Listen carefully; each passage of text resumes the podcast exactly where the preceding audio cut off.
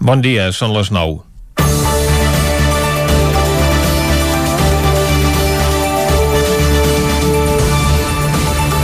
A Catalunya hi ha 3,4 milions de persones ocupades. D'aquests, 545.000 són autònoms, dels quals gairebé el 80% treballen al sector serveis. Aquest és un dels col·lectius més damnificats per la situació derivada per la crisi sanitària, per la precarietat dels seus ingressos i perquè la majoria han deixat de rebre els ous i han caigut en picat perquè pertanyen als sectors que han hagut de cessar la seva activitat per decisió del govern. La Generalitat va aprovar la setmana passada destinar una partida de 20 milions d'euros en ajudes als autònoms. Que dit així de cop semblen molts diners, però si ho dividim pel número de treballadors per compte propi que hem comentat, suposa la ridícula xifra de 37 euros per cadascun.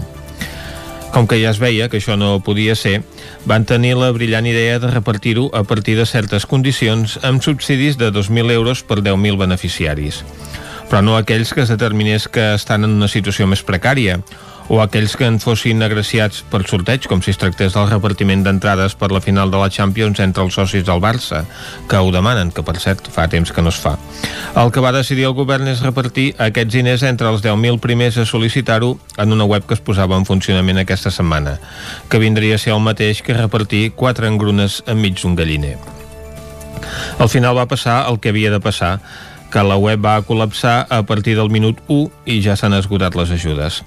N'hauran resultat agraciats els que han tingut més sort o millor connexió a internet, com si això fos la venda d'entrades per un concert del Bruce Springsteen al camp de futbol del Manlleu. Tot això passa després que encara ningú hagi cobrat una primera línia de 40 milions d'euros a repartir entre bars, restaurants i centres d'estètica a raó de 1.500 euros per negoci, i mentre l'Estat apuja les quotes als autònoms amb efectes retroactius i reconeix retard en el pagament de subsidis.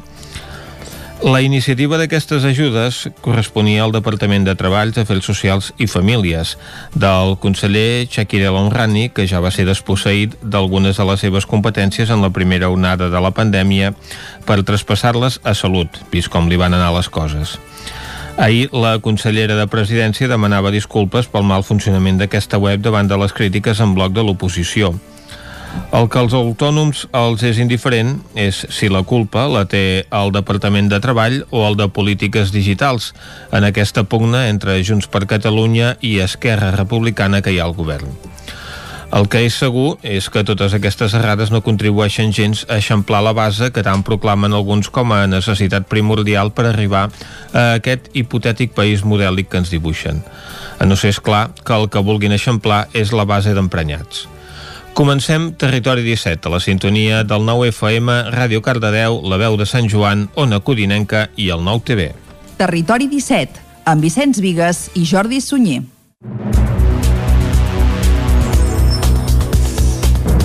Són les 9 i 3 minuts del dimecres, dia 11 de novembre de 2020. Comença aquí un nou Territori 17 que avui, com sempre, durant la primera hora us acostarà tota l'actualitat de les nostres comarques. Després, a partir de les 10, algunes de les seccions habituals. Per exemple, avui parlarem de lletraferits a la secció de literatura. També tindrem el Territori Sostenible, on coneixerem la iniciativa d'un jerseis per iaios.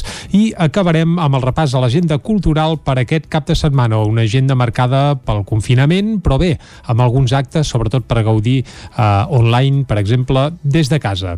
Tot això i molt més des d'ara mateix i fins a les 12 del migdia. I el que toca ara, com sempre, és arrencar tot fent un repàs a l'actualitat de les nostres comarques, les comarques del Ripollès, Osona, el Moianès i el Vallès Oriental.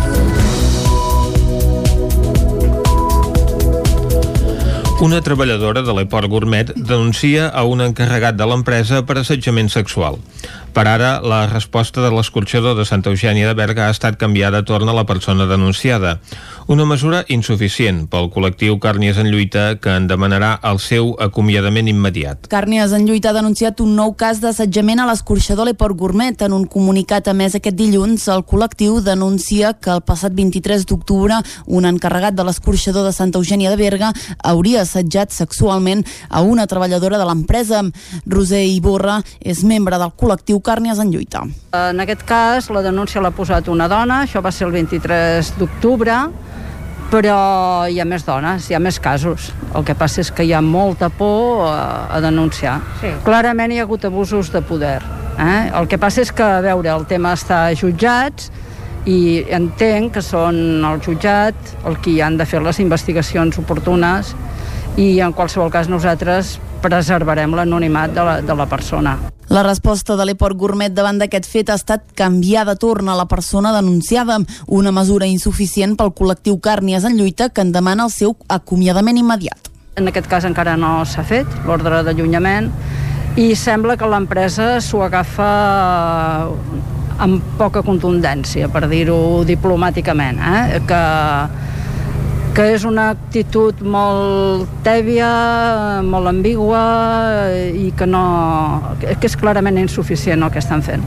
També demanen que en cas d'assetjament sexual, ja sigui dins o fora de l'entorn laboral, les víctimes no dubtin en denunciar. Emília Capellà també és membre del col·lectiu Càrnies en lluita. Volem animar a les dones que són assetjades, les dones que pateixen abús de poder, del tipus que sigui, però sexual no diguem, sinó, eh, doncs animar-les a denunciar. Des de Càrnies en lluita asseguren que aquest és un nou capítol a la cadena d'assetjaments sexuals que una vintena d'entitats ja van denunciar el passat mes de setembre. En aquell moment el col·lectiu denunciava una quinzena d'assetjaments a dones, 14 de l'empresa CGT Plus i una de l'escorxador és Fossa. El Ripollès es manté en quatre grups confinats, però amb menys persones aïllades amb un total de 76. Isaac Muntades, des de la veu de Sant Joan.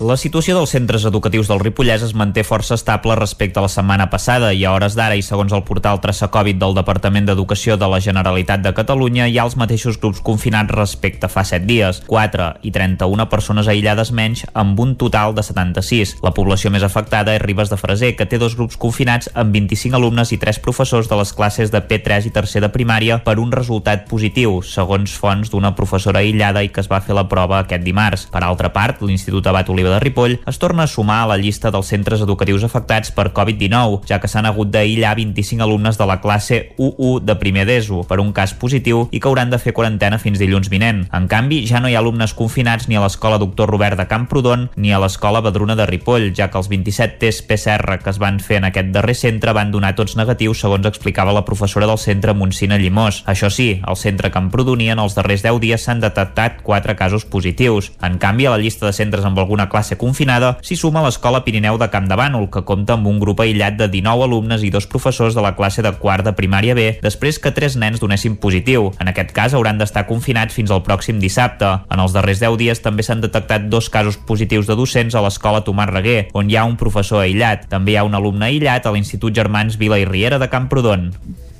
El Vallès Oriental acollirà un projecte pilot per fer més eficient i sostenible la mobilitat laboral dins un pressupost de gairebé un milió i mig d'euros. David Auladell, de Ràdio Televisió, Cardedeu. El Departament de Territori ha escollit el Vallès Oriental per posar en marxa el projecte que pot beneficiar alguns dels 127 polígons amb 7 línies estratègiques i 26 accions que s'hauran d'implementar en un any. Entre les actuacions previstes hi ha fomentar l'ús de la bicicleta i els patinets elèctrics per arribar a les empreses, millorar l'eficiència del vehicle privat quan el seu ús sigui imprescindible, fomentar el transport a demanda en polígons aïllats o apostar pel bus elèctric. El conseller Damià Calvet ha destacat que aquest projecte pilot suposa fer un pas més per impulsar un nou model de mobilitat més sostenible, eficient, inclusiu i digital a Catalunya. Un pla, a més, que incidirà en un dels dèficits de la mobilitat al país, com és la dels treballadors als polígons industrials industrials. El Departament de Territori i Sostenibilitat decidirà juntament amb el Consell Comarcal, els ajuntaments i les empreses on s'aplicaran les mesures dissenyades per extreure uns resultats extrapolables al conjunt català. El conseller de Territori ha destacat que s'ha escollit el Vallès Oriental perquè és un territori obert i actiu i que esperen comptar amb la col·laboració de les empreses per tirar-lo endavant. El consistori de Caldes de Montbui aprova un augment del 6% de l'import de la taxa de recollida de deixalles aplicable a partir del 2021. Caral Campàs, des d'Ona Codinenca. La taxa de recollida i de tractament de residus s'apujarà de mitjana un 6% l'any vinent a Caldes. Aquest és un dels canvis més substancials de les ordenances fiscals per l'any 2021 a la població. L'augment va ser aprovat en un ple extraordinari amb els vots a favor d'Esquerra i les abstencions de la resta de grups de l'oposició. David Través, regidor d'Hisenda, apuntava al motiu d'aquest augment que el Consorci de Residus ens va comunicar una pujada més o menys lineal al voltant del 6 o 7% en el concepte de recollida de deixalles. Sabeu que la taxa, que el que estem parlant és d'una taxa, han de tendir a zero, és a dir, que el cost del servei s'iguali amb el que paguem, el que paguen i el que paguem tots els ciutadans i empreses. Això, fins a dia d'avui, no era així. És a dir, des de l'Ajuntament de Caldes de Montbui ja s'estava assumint part d'aquest sobrecost sense imputar a el, als calderins. Aquest any plantegem un augment del 6%. Un augment del 6% donat en aquest cas pel Consorci. No ens agrada, i és quelcom que vull deixar clar, no ens agrada. No ens agrada repercutir aquest cost als nostres eh, ciutadans, als calderins però el que tampoc pot fer l'administració és tenir aquest dèficit per aquest eh, servei tan, tan necessari. A nivell pràctic, segons el regidor del canvi, té un impacte de 10 euros l'any en un habitatge particular. Les ordenances també inclouen una bonificació en l'impost de construccions i obres en aquells habitatges que certifiquin la lluita contra l'emergència climàtica, unes bonificacions que es calcularan segons tres certificacions internacionals que permeten valorar objectivament les construccions que estalvien emissions de CO2. La CUP i el PSC van demanar a nivell d'ordenances modificacions buscant que qui més tingui més pagui. Junts va lamentar especialment l'augment de la taxa de residus en els comerços i el PP va considerar que les ordenances no tenen en compte la situació de crisi que s'està vivint. Els Mossos d'Esquadra condecoren el sergent Quico Villena de la policia local de Torelló, que va ser cap del cos quan no hi havia inspector per la seva trajectòria i compromís. Divendres li lliuraven la medalla de bronze amb el distintiu blau. El sergent Quico Villena de la policia local de Torelló Torelló va ser condecorat per part dels Mossos d'Esquadra aquest divendres a la, a la Sala Noble de Can Parrella. Villena va rebre la medalla de bronze amb el distintiu blau per al seu destacament en el compliment de les seves obligacions professionals. El sergent explicava l'orgull que li suposa rebre aquesta condecoració per part dels Mossos. Estic contentíssim de rebre un reconeixement del cos de Mossos d'Esquadra. Sí que és cert que treballem cada dia colze a colze amb ells, que tenim tota la col·laboració seva i rebre aquest reconeixement doncs, per mi és molt important a la meva carrera. Aquest any ha fet 25 anys que estic a, a la policia de Torelló i doncs, rebre reconeixement sempre és molt grat. Entre els presents hi havia l'alcalde Marçal Ortuño i el cap dels Mossos a Osona, Joan Salamanya. Tots dos destacaven la vocació i el compromís de Villena. També un reconeixement a, no a, la, a les feina, a la funció, diguem, eh, que durant temps s'ha fet des de cap de policia, sinó a la manera de, de com s'ha fet, no? amb aquesta vocació de servei, amb aquesta eh, entrega, dedicació i compromís que els Mossos d'Esquadra han reconegut a través d'aquesta medalla i que l'Ajuntament ens fa molt feliços de poder ser ser-hi per, per reforçar-ho. Doncs per, eh, doncs per la seva trajectòria professional reconeguda eh, dins del cos de Mossos d'Esquadra, per la seva proximitat, per la seva vocació, pel seu servei, per la seva proximitat cap a nosaltres i reconèixer-li més que res doncs, tots aquests anys de servei doncs, que està prestant aquí a Torelló i que ho fa d'una forma eh, perfectament coordinada amb nosaltres. Villena va ser reconegut per la seva trajectòria professional, sobretot pel període entre 2016 i 2019 en què a Torelló no hi havia inspector i ell va assumir les funcions de cap de la policia. Els Segals Osona havien de celebrar aquest cap de setmana la Diada de la Colla. Les mesures establertes pel govern, però, han obligat a cancel·lar-ho tot. Aquest cap de setmana s'havia de celebrar la Diada de la Colla dels Segals d'Osona, però les restriccions per frenar la pandèmia n'han fet impossible la celebració. La Diada incluïa la festa dels 15 anys de les Fúries d'Ausa i la presentació oficial d'un grup de batucada, però els actes van haver de ser reemplaçats. Bernat Camps és el president dels Segals d'Osona. Vam haver d'acabar portant a plaça els nostres millors castells en forma d'imatges, que ja era una de les coses que teníem previstes, i vam canviar aquest concert per una taula rodona online que vam fer a través de la plataforma del Zoom en el, nostre espai que li diem la central virtual i és el nostre punt de trobada online. Les colles castelleres estan sent de les organitzacions culturals més afectades per la pandèmia. Des dels Segals d'Osona estan pendents d'un protocol de reactivació per part de la coordinadora de colles castelleres de Catalunya, tot i que creuen que tardaran molt temps a tornar a fer castells.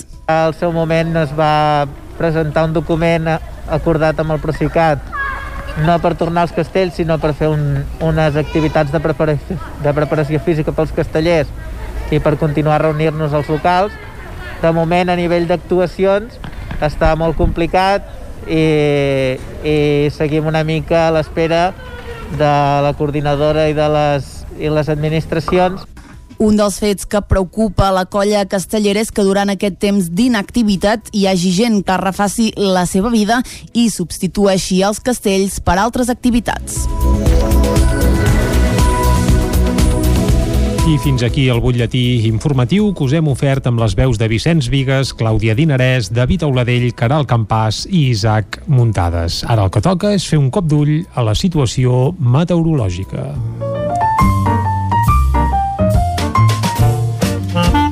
Casa Terradellos us ofereix el temps. I quan parlem del temps, el que fem és saludar el Pep Acosta. Molt bon dia, Pep. Hola, molt bon dia. Bon dia. Què tal esteu? Bé, perfecte. Col·laboradors del programa, amics oients.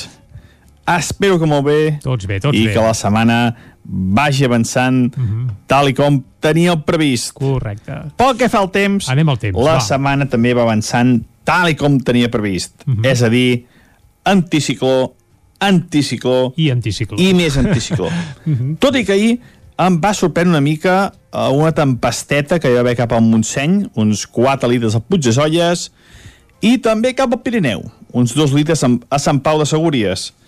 Jo em pensava que, que aquest front, el front que ens va passar ahir, que ja va, vaig dir que seria de quarta o cinquena categoria, passaria eh, sense causar cap precipitació. Però, bueno, eh, va fer això, va fer unes petites tempestes cap a les zones de muntanya que, de veritat, de veritat, que no, no m'esperava, no m'esperava. Però, bueno, ja va bé, ja ve que pogui una mica, ja està bé. Però això ja és passat, el front ja, ja ha marxat, i ara el que ha quedat és això, és un temps anticiclònic, boires, les boires van intensificant, es van fent més espesses, més intenses, més extenses, i fa que on hi hagi boira la temperatura sigui bastant baixa, per sota dels 5 graus, per exemple, a la Plana de Vic, també algun lloc del Moianès per sota dels 5 graus, i lògicament cap al Pirineu, mínimes sota zero a les zones més altes, i un 2 graus a les poblacions com Molló, eh, Sant Pau de Segúries i poblacions pròximes. Cap al prelitoral, per exemple, a Cales de Montbui, 6-7 graus de mínima, ja una mica més altes, tot i que també cap a Vallès hi ha zones amb boires, i aquestes boires ja hi ha algun lloc que gairebé avui no s'hi dissiparan tot el dia. Vull dir que les boires duraran hores i hores. De cara a migdia, per això, el sol serà gran protagonista gairebé totes les poblacions i les temperatures seran molt agradables. Les màximes gairebé la majoria entre els 17 i els 21-22 graus. Ja podeu veure, eh? hi ha un gran contrast tèrmic entre el dia i la nit, el dia molt suau, molt agradable, i les nits són fredes. Mm, Tampoc és allò que faci molt de fred, ni molt menys. Em podria fer una mica més aquestes dates. Jo crec que aquestes dates ja haurien de tenir glaçades a bastantes poblacions i com deia l'altre dia, estan les temperatures 2-3 graus per el normal. Mm, una mica més de fred hauria de fer. Sembla que els pròxims dies sí que en farà una mica més de fred, eh? però bueno, no, no vull avançar conteixements, que els mapes mm, de moment ens, ens, ens diuen que l'anticicló continua molt ferm i no hi haurà grans canvis. Però bueno, eh, una cosa veig a l'horitzó, mm, no vull, no vull avan- avançar en gaires aconteixements. El que està clar és això d'avui. Anticicló, boires ara mateix, una mica de fred, però al migdia molta suavitat, molt de sol i només pot quedar una mica de boires, núvols baixos en aquestes zones típiques del Vallès, mm -hmm. del Moianès o d'Osona, que hi ha boira molts, molts dies a l'any. I això és tot. Demà ens escoltem i aviam si comencem a veure algun canvi algun dia. Man. Moltes gràcies. Adeu. Pep, ja ens has alertat que una mica a mig, llarg termini tu veus algun canvi, eh? Aviam si demà ens pots avançar alguna cosa de... Bé, i que auguri aquesta fi d'aquest anticicló que ens té una mica emboirats, eh? Vicenç, en tenim per dia, sembla, de boira, però en. Pep veu alguna cosa. Avui és Sant Martí, per tant toca estiuet. Tocaria, estiuet. Posem-ho posem un condicional exacte a l'estiuet de Sant Martí. En vam parlar precisament la setmana passada aquí mateix a Territori 17. Avui sembla que d'estiuet, si més no al matí, no n'acaba de fer gaire, eh? Ara, els llocs on s'aixequi el sol, Ah, aquí potser està, a veure si s'aixeca la boira i traiem conclusions. Va, mentre no s'aixeca, el que farem és anar cap al quiosc, com fem sempre a Territori 17. Anem-hi. Casa Tarradellas us ha ofert aquest espai. Territori 17. Envia'ns les teves notes de veu per WhatsApp al 646 079 023. 646 079 023. WhatsApp Territori 17.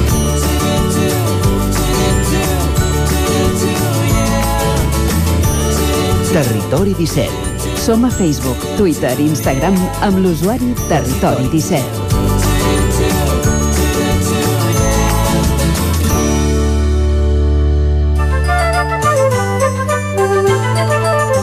És hora ara d'anar al quiosc i comprovar com els diaris de Barcelona i els de Madrid veuen la realitat de forma diferent. Clàudia. Bon dia de nou, comencem amb el repàs de portades, comencem amb les portades catalanes, amb el punt avui, com fem sempre, que diu fan curt, el govern es disculpa pel caos dels ajuts dels autònoms esgotats en poques hores.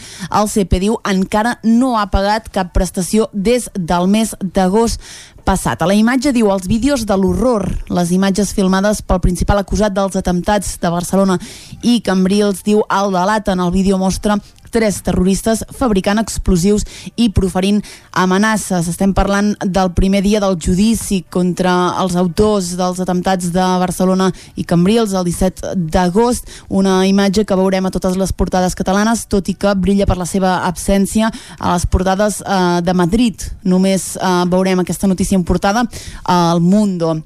Seguim endavant perquè Illa preveu que ja hi hagi vacunes gratuïtes. Al gener el ministre de Sanitat espera tenir 20 milions de dosis a principis d'any per pacients prioritaris.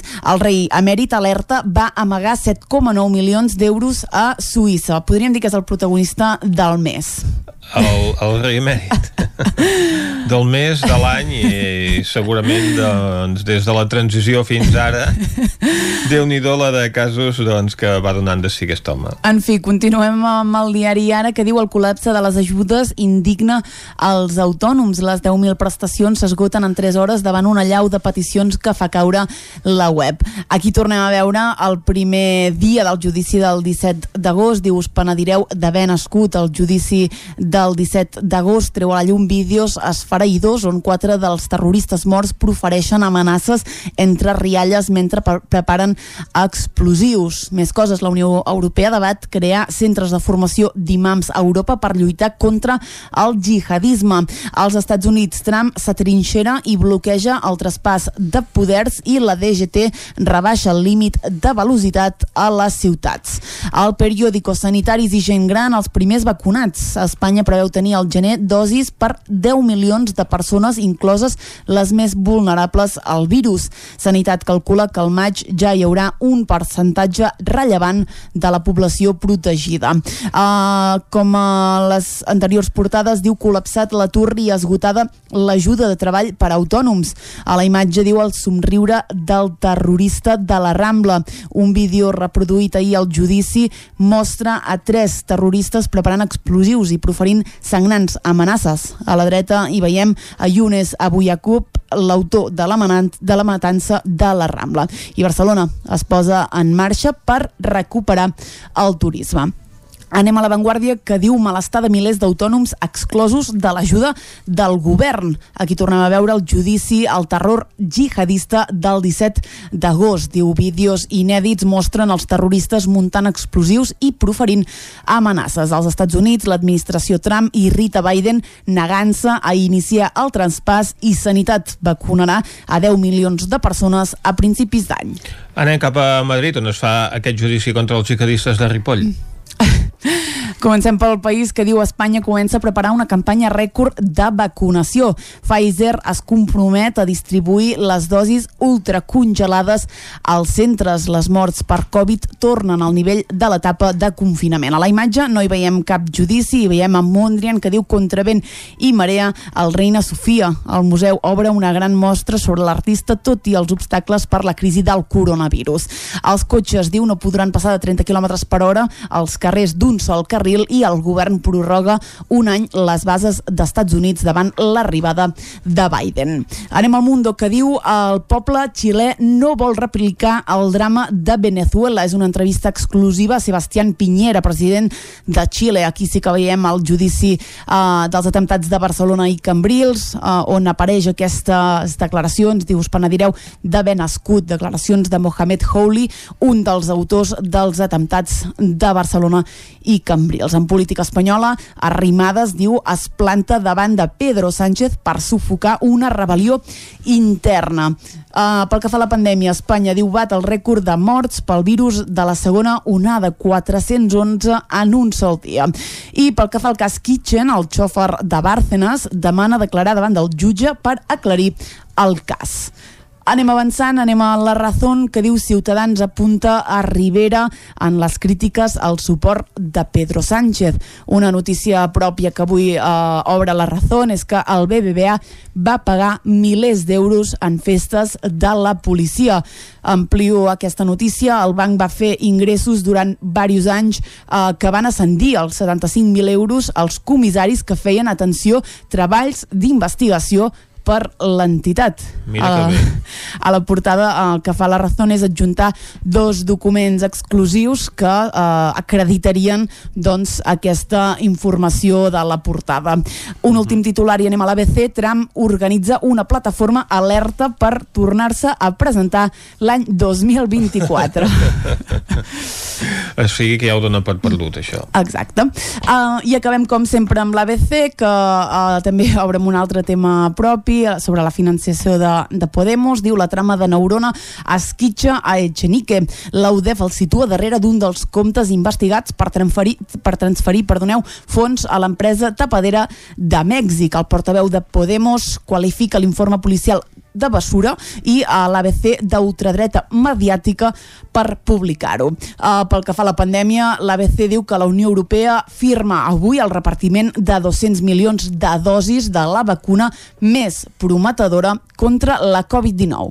Tots els diaris de Barcelona dediquen avui les seves portades a imatges dels jihadistes de Ripoll i en canvi a la premsa de Madrid només ho veiem al Mundo, l'únic diari que es fixa en portada amb l'inici d'aquest judici. Hem fet un repàs a les portades dels diaris d'avui i acabem aquí aquest bloc informatiu.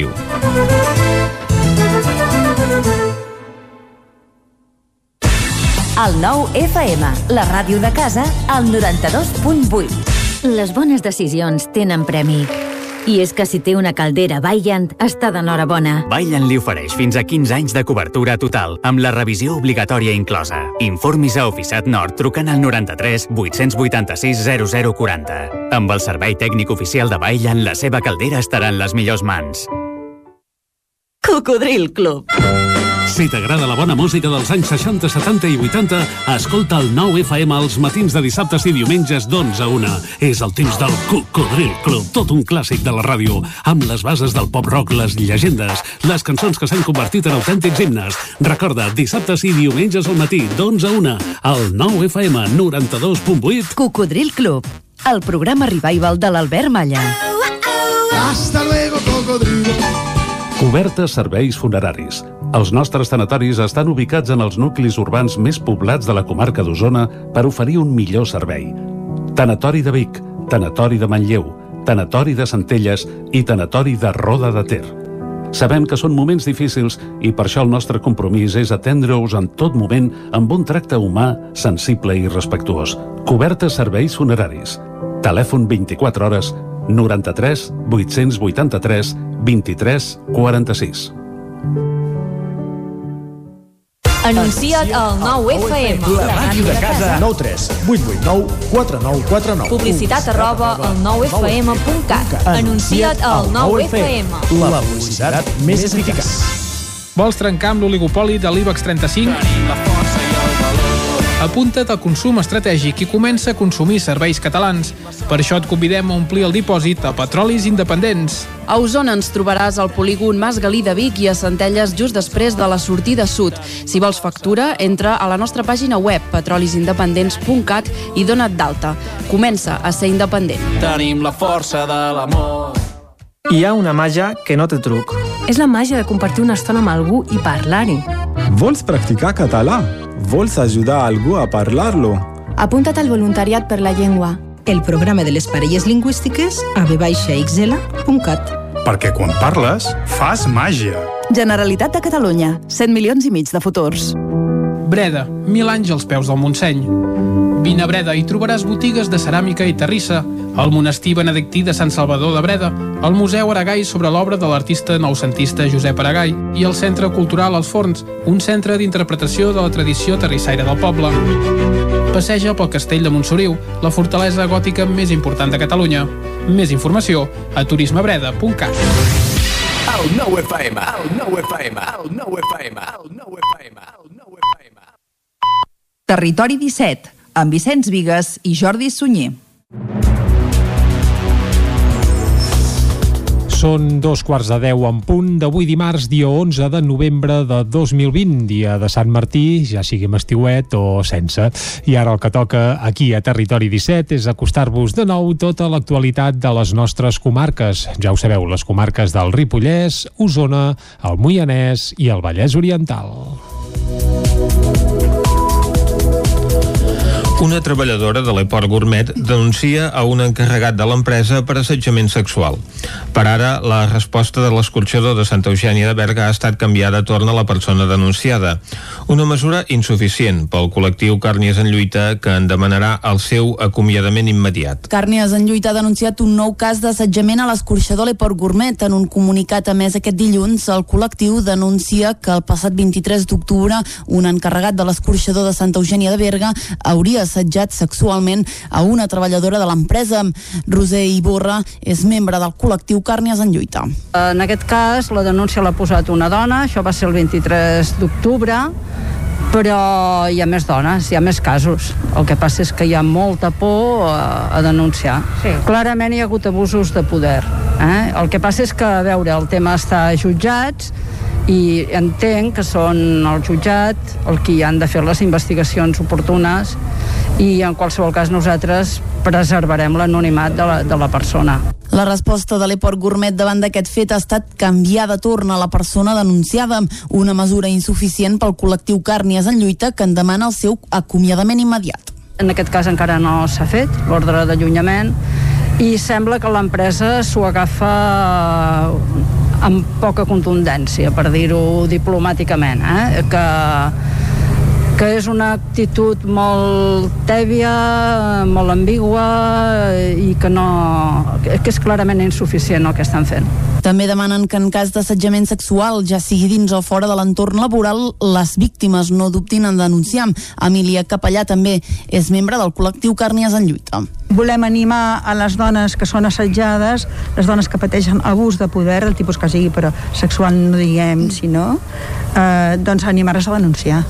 Des de Càrnies en lluita asseguren que aquest és un nou capítol a la cadena d'assetjaments sexuals que una vintena d'entitats ja van denunciar el passat mes de setembre. En aquell moment el col·lectiu denunciava una quinzena d'assetjaments a dones, 14 de l'empresa CGT Plus i una de l'escorxador és Fossa. El Ripollès es manté en quatre grups confinats, però amb menys persones aïllades amb un total de 76. Isaac Muntades, des de la veu de Sant Joan. La situació dels centres educatius del Ripollès es manté força estable respecte a la setmana passada i a hores d'ara i segons el portal Traça Covid del Departament d'Educació de la Generalitat de Catalunya hi ha els mateixos grups confinats respecte a fa 7 dies, 4 i 31 persones aïllades menys amb un total de 76. La població més afectada és Ribes de Freser, que té dos grups confinats amb 25 alumnes i 3 professors de les classes de P3 i tercer de primària per un resultat positiu, segons fonts d'una professora aïllada i que es va fer la prova aquest dimarts. Per altra part, l'Institut Abat Oliva de Ripoll es torna a sumar a la llista dels centres educatius afectats per Covid-19, ja que s'han hagut d'aïllar 25 alumnes de la classe U1 de primer d'ESO per un cas positiu i que hauran de fer quarantena fins dilluns vinent. En canvi, ja no hi ha alumnes confinats ni a l'escola Doctor Robert de Camprodon ni a l'escola Badruna de Ripoll, ja que els 27 tests PCR que es van fer en aquest darrer centre van donar tots negatius, segons explicava la professora del centre Montsina Llimós. Això sí, al centre Camprodoni en els darrers 10 dies s'han detectat 4 casos positius. En canvi, a la llista de centres amb alguna classe confinada s'hi suma l'escola Pirineu de Camp de Bànol, que compta amb un grup aïllat de 19 alumnes i dos professors de la classe de quart de primària B, després que tres nens donessin positiu. En aquest cas hauran d'estar confinats fins al pròxim dissabte. En els darrers 10 dies també s'han detectat dos casos positius de docents a l'escola Tomàs Reguer, on hi ha un professor aïllat. També hi ha un alumne aïllat a l'Institut Germans Vila i Riera de Camprodon. El Vallès Oriental acollirà un projecte pilot per fer més eficient i sostenible la mobilitat laboral dins un pressupost de gairebé un milió i mig d'euros. David Auladell, de Ràdio Televisió, Cardedeu. El Departament de Territori ha escollit el Vallès Oriental per posar en marxa el projecte que pot beneficiar alguns dels 127 polígons amb 7 línies estratègiques i 26 accions que s'hauran d'implementar en un any. Entre les actuacions previstes hi ha fomentar l'ús de la bicicleta i els patinets elèctrics per arribar a les empreses, millorar l'eficiència del vehicle privat quan el seu ús sigui imprescindible, fomentar el transport a demanda en polígons aïllats o apostar pel bus elèctric. El conseller Damià Calvet ha destacat que aquest projecte pilot suposa fer un pas pas més per impulsar un nou model de mobilitat més sostenible, eficient, inclusiu i digital a Catalunya. Un pla, a més, que incidirà en un dels dèficits de la mobilitat al país, com és la dels treballadors als polígons industrials. El Departament de Territori i Sostenibilitat decidirà juntament amb el Consell Comarcal, els ajuntaments i les empreses on s'aplicaran les mesures dissenyades per extreure uns resultats extrapolables al conjunt català. El conseller de Territori ha destacat que s'ha escollit el Vallès Oriental perquè és un territori obert i actiu i que esperen comptar amb la col·laboració de les empreses per tirar-lo endavant. El consistori de Caldes de Montbui aprova un augment del 6% de l'import de la taxa de recollida de deixalles aplicable a partir del 2021. Caral Campàs, des d'Ona Codinenca. La taxa de recollida i de tractament de residus s'apujarà de mitjana un 6% l'any vinent a Caldes. Aquest és un dels canvis més substancials de les ordenances fiscals per l'any 2021 a la població. L'augment va ser aprovat en un ple extraordinari amb els vots a favor d'Esquerra i les abstencions de la resta de grups de l'oposició. David Través, regidor d'Hisenda, apuntava al motiu d'aquest augment que el Consorci de Residus ens va comunicar una pujada més o menys lineal al voltant del 6 o 7% en el concepte de recollida de deixalles. Sabeu que la taxa, que el que estem parlant és d'una taxa, han de tendir a zero, és a dir, que el cost del servei s'iguali amb el que paguem, el que paguen i el que paguem tots els ciutadans i empreses. Això, fins a dia d'avui, no era així. És a dir, des de l'Ajuntament de Caldes de Montbui ja s'estava assumint part d'aquest sobrecost sense imputar a el, els calderins. Aquest any plantegem un augment del 6%. Un augment del 6% donat en aquest cas pel Consorci. No ens agrada, i és quelcom que vull deixar clar, no ens agrada. No ens agrada repercutir aquest cost als nostres eh, ciutadans, als calderins però el que tampoc pot fer l'administració és tenir aquest dèficit per aquest eh, servei tan, tan necessari. A nivell pràctic, segons el regidor, el canvi té un impacte de 10 euros l'any en un habitatge particular. Les ordenances també inclouen una bonificació en l'impost de construccions i obres en aquells habitatges que certifiquin la lluita contra l'emergència climàtica, unes bonificacions que es calcularan segons tres certificacions internacionals que permeten valorar objectivament les construccions que estalvien emissions de CO2. La CUP i el PSC van demanar a nivell d'ordenances modificacions buscant que qui més tingui més pagui. Junts va lamentar especialment l'augment de la taxa de residus en els comerços i el PP va considerar que les ordenances no tenen en compte la situació de crisi que s'està vivint. Els Mossos d'Esquadra condecoren el sergent Quico Villena de la policia local de Torelló, que va ser cap del cos quan no hi havia inspector per la seva trajectòria i compromís. Divendres li lliuraven la medalla de bronze amb el distintiu blau. El sergent Quico Villena de la policia local de Torelló Torelló va ser condecorat per part dels Mossos d'Esquadra aquest divendres a la, a la Sala Noble de Can Parrella. Villena va rebre la medalla de bronze amb el distintiu blau per al seu destacament en el compliment de les seves obligacions professionals. El sergent explicava l'orgull que li suposa rebre aquesta condecoració per part dels Mossos. Estic contentíssim de rebre un reconeixement del cos de Mossos d'Esquadra.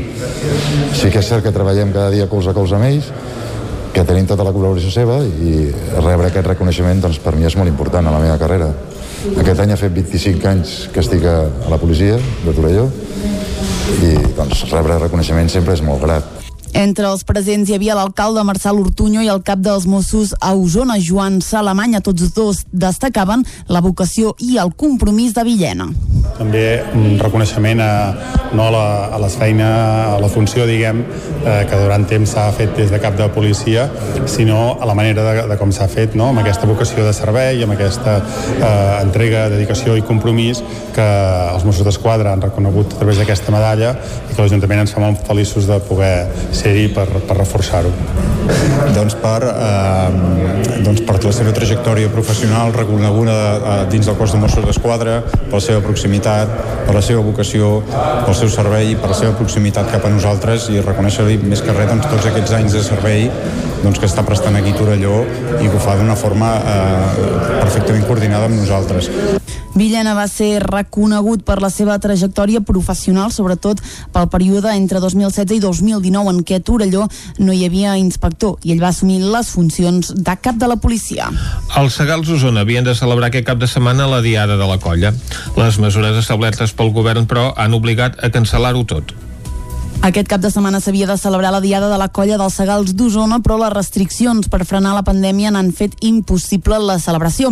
La Diada incluïa la festa dels 15 anys de les Fúries d'Ausa i la presentació oficial d'un grup de batucada, però els actes van haver de ser reemplaçats. Bernat Camps és el president dels Segals d'Osona. Vam haver d'acabar portant a plaça els nostres millors castells en forma d'imatges, que ja era una de les coses que teníem previstes, i vam canviar aquest concert per una taula rodona online que vam fer a través de la plataforma del Zoom en el, nostre espai que li diem la central virtual i és el nostre punt de trobada online. Les colles castelleres estan sent de les organitzacions culturals més afectades per la pandèmia. Des dels Segals d'Osona estan pendents d'un protocol de reactivació per part de la coordinadora de colles castelleres de Catalunya, tot i que creuen que tardaran molt temps a tornar a fer castells. Al seu moment es va presentar un document acordat amb el Procicat no per tornar als castells, sinó per fer un, unes activitats de preparació, de preparació física pels castellers i per continuar a reunir-nos als locals. De moment, a nivell d'actuacions, està molt complicat i, i seguim una mica a l'espera de la coordinadora i de les, i les administracions un dels fets que preocupa la colla castellera és que durant aquest temps d'inactivitat hi hagi gent que refaci la seva vida i substitueixi els castells per altres activitats. I fins aquí el butlletí informatiu que us hem ofert amb les veus de Vicenç Vigues, Clàudia Dinarès, David Auladell, Caral Campàs i Isaac Muntades. Ara el que toca és fer un cop d'ull a la situació meteorològica.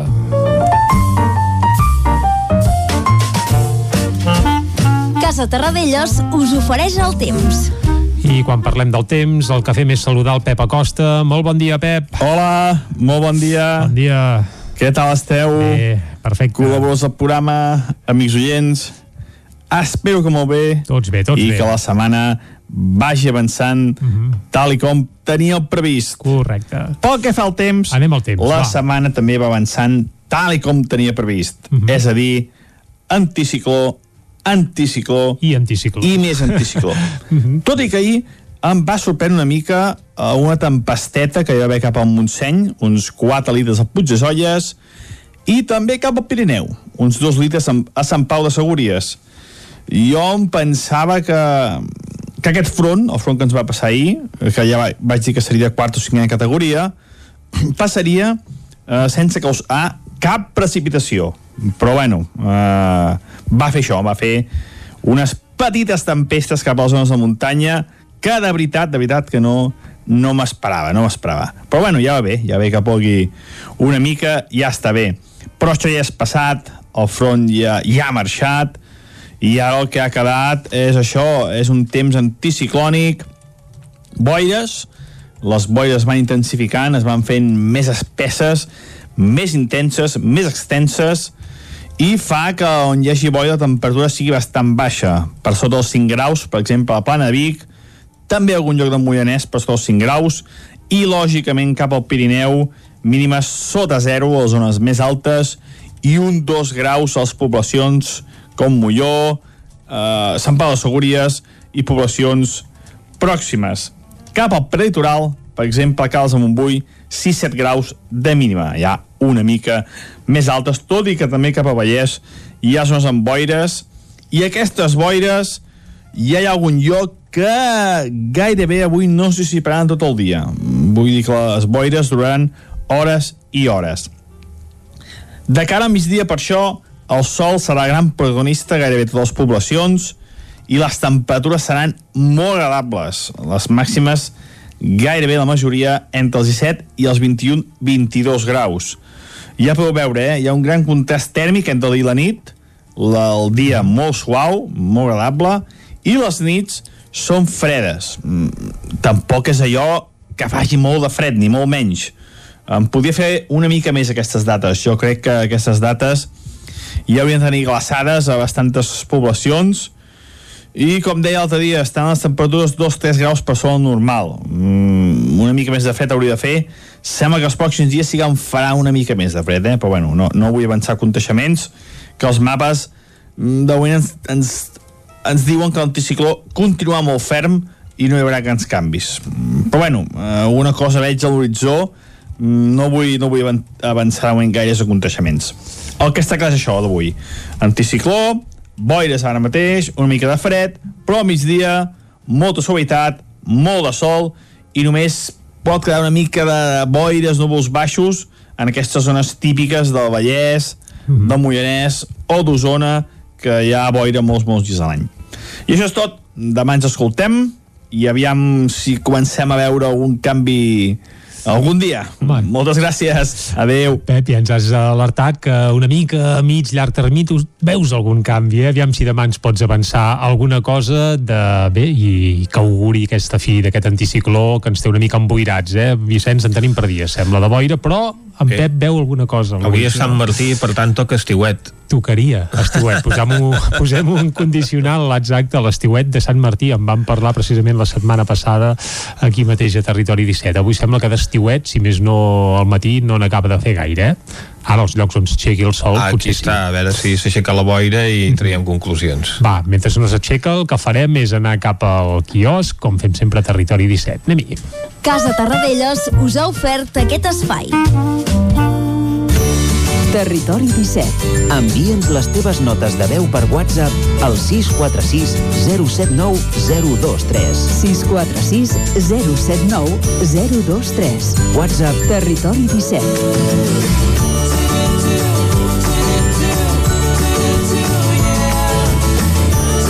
Territori 17. Som a Facebook, Twitter i Instagram amb l'usuari Territori 17.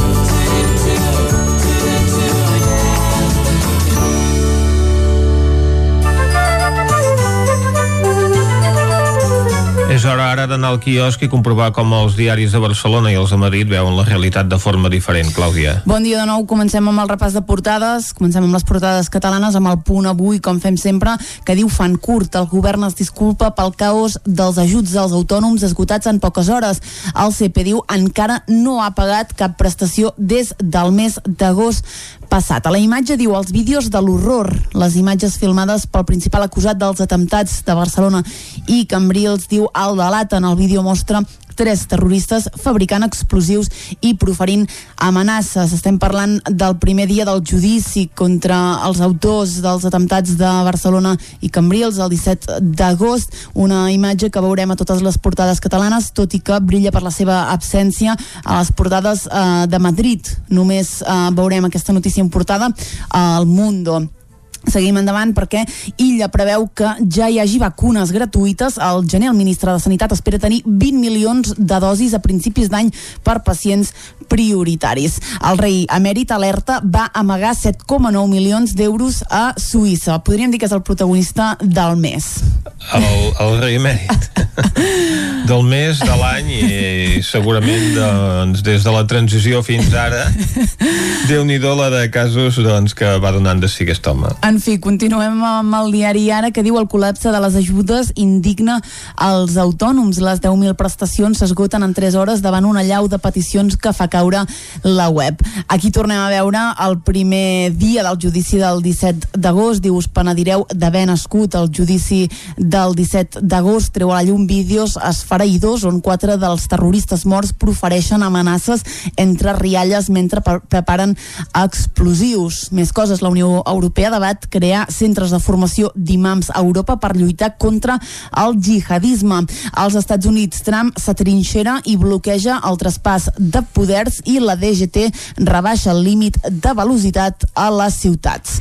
El periòdico Sanitaris i Gent Gran, els primers vacunats. Espanya preveu tenir al gener dosis per 10 milions de persones, incloses les més vulnerables al virus. Sanitat calcula que al maig ja hi haurà un percentatge rellevant de la població protegida. Uh, com a les anteriors portades, diu col·lapsat l'atur i esgotada l'ajuda de treball per a autònoms. A la imatge diu el somriure del terrorista de la Rambla. Un vídeo reproduït ahir al judici mostra a tres terroristes preparant explosius i proferint sagnants amenaces. A la dreta hi veiem a Younes Abu Yaqub, l'autor de, la de la matança de la Rambla. I Barcelona es posa en marxa per recuperar el turisme. Anem a l'avantguàrdia que diu malestar de milers d'autònoms exclosos de l'ajuda del govern. Aquí tornem a veure el judici al terror jihadista del 17 d'agost. Diu vídeos inèdits mostren els terroristes muntant explosius i proferint amenaces. Als Estats Units, l'administració Trump irrita Biden negant-se a iniciar el traspàs i Sanitat vacunarà a 10 milions de persones a principis d'any. Anem cap a Madrid, on es fa aquest judici contra els jihadistes de Ripoll. Mm Comencem pel país que diu Espanya comença a preparar una campanya rècord de vacunació. Pfizer es compromet a distribuir les dosis ultracongelades als centres. Les morts per Covid tornen al nivell de l'etapa de confinament. A la imatge no hi veiem cap judici, hi veiem a Mondrian que diu contra vent i marea el Reina Sofia. El museu obre una gran mostra sobre l'artista tot i els obstacles per la crisi del coronavirus.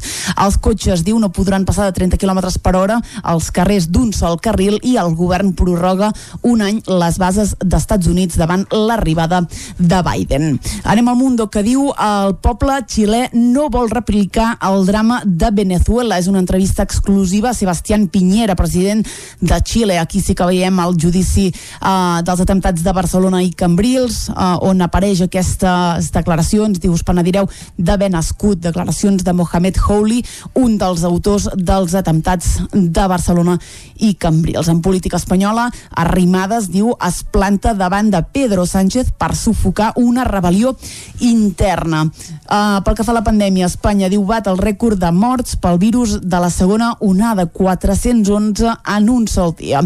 I pel que fa al cas Kitchen, el xòfer de Bárcenas demana declarar davant del jutge per aclarir el cas.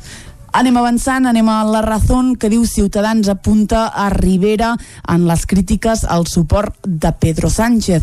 Una notícia pròpia que avui eh, obre la Razón és que el BBVA va pagar milers d'euros en festes de la policia.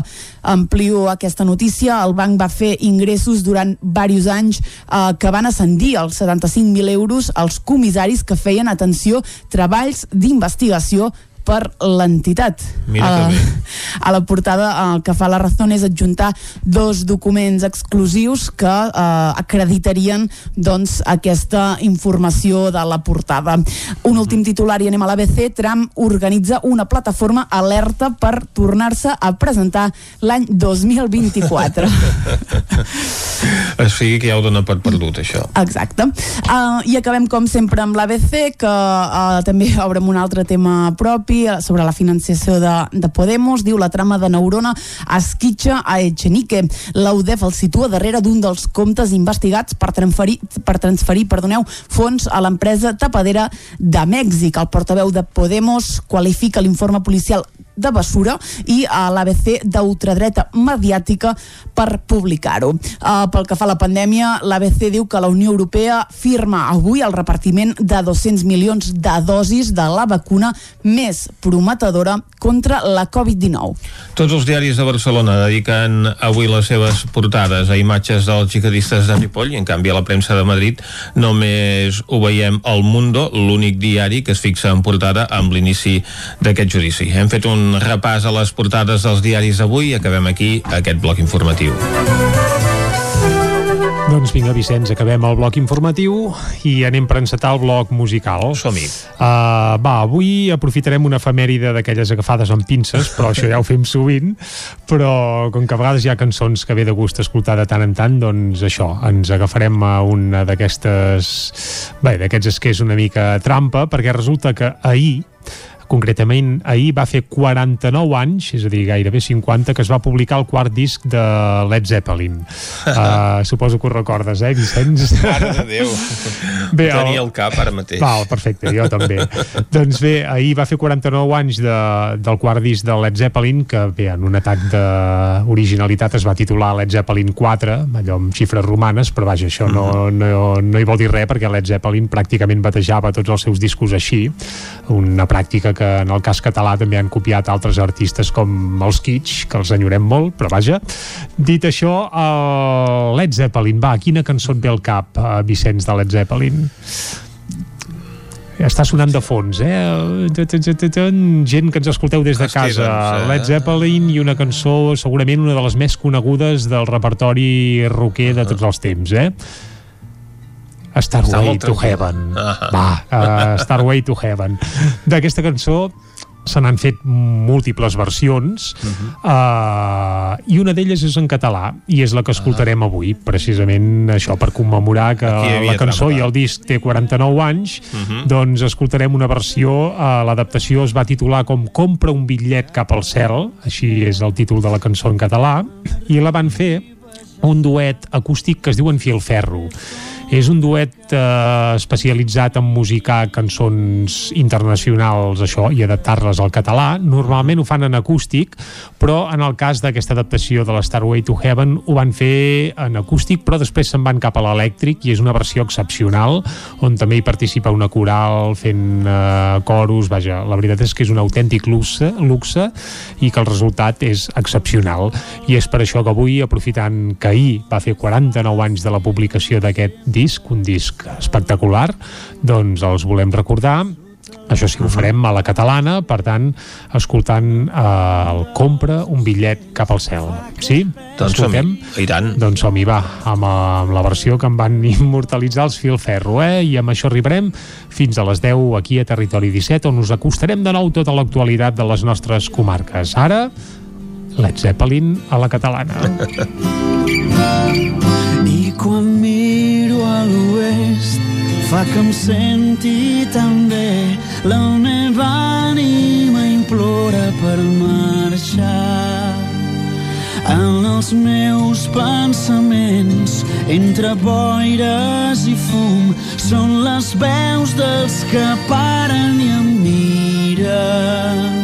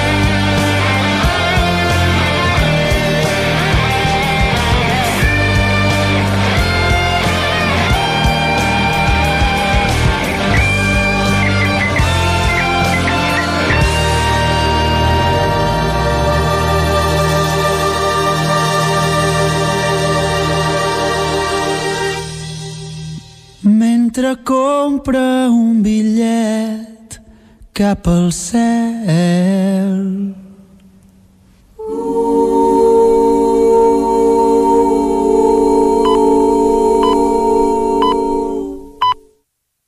I a les 10 en punt torna la informació de les nostres comarques, les comarques del Ripollès, Osona, el Moianès i el Vallès Oriental.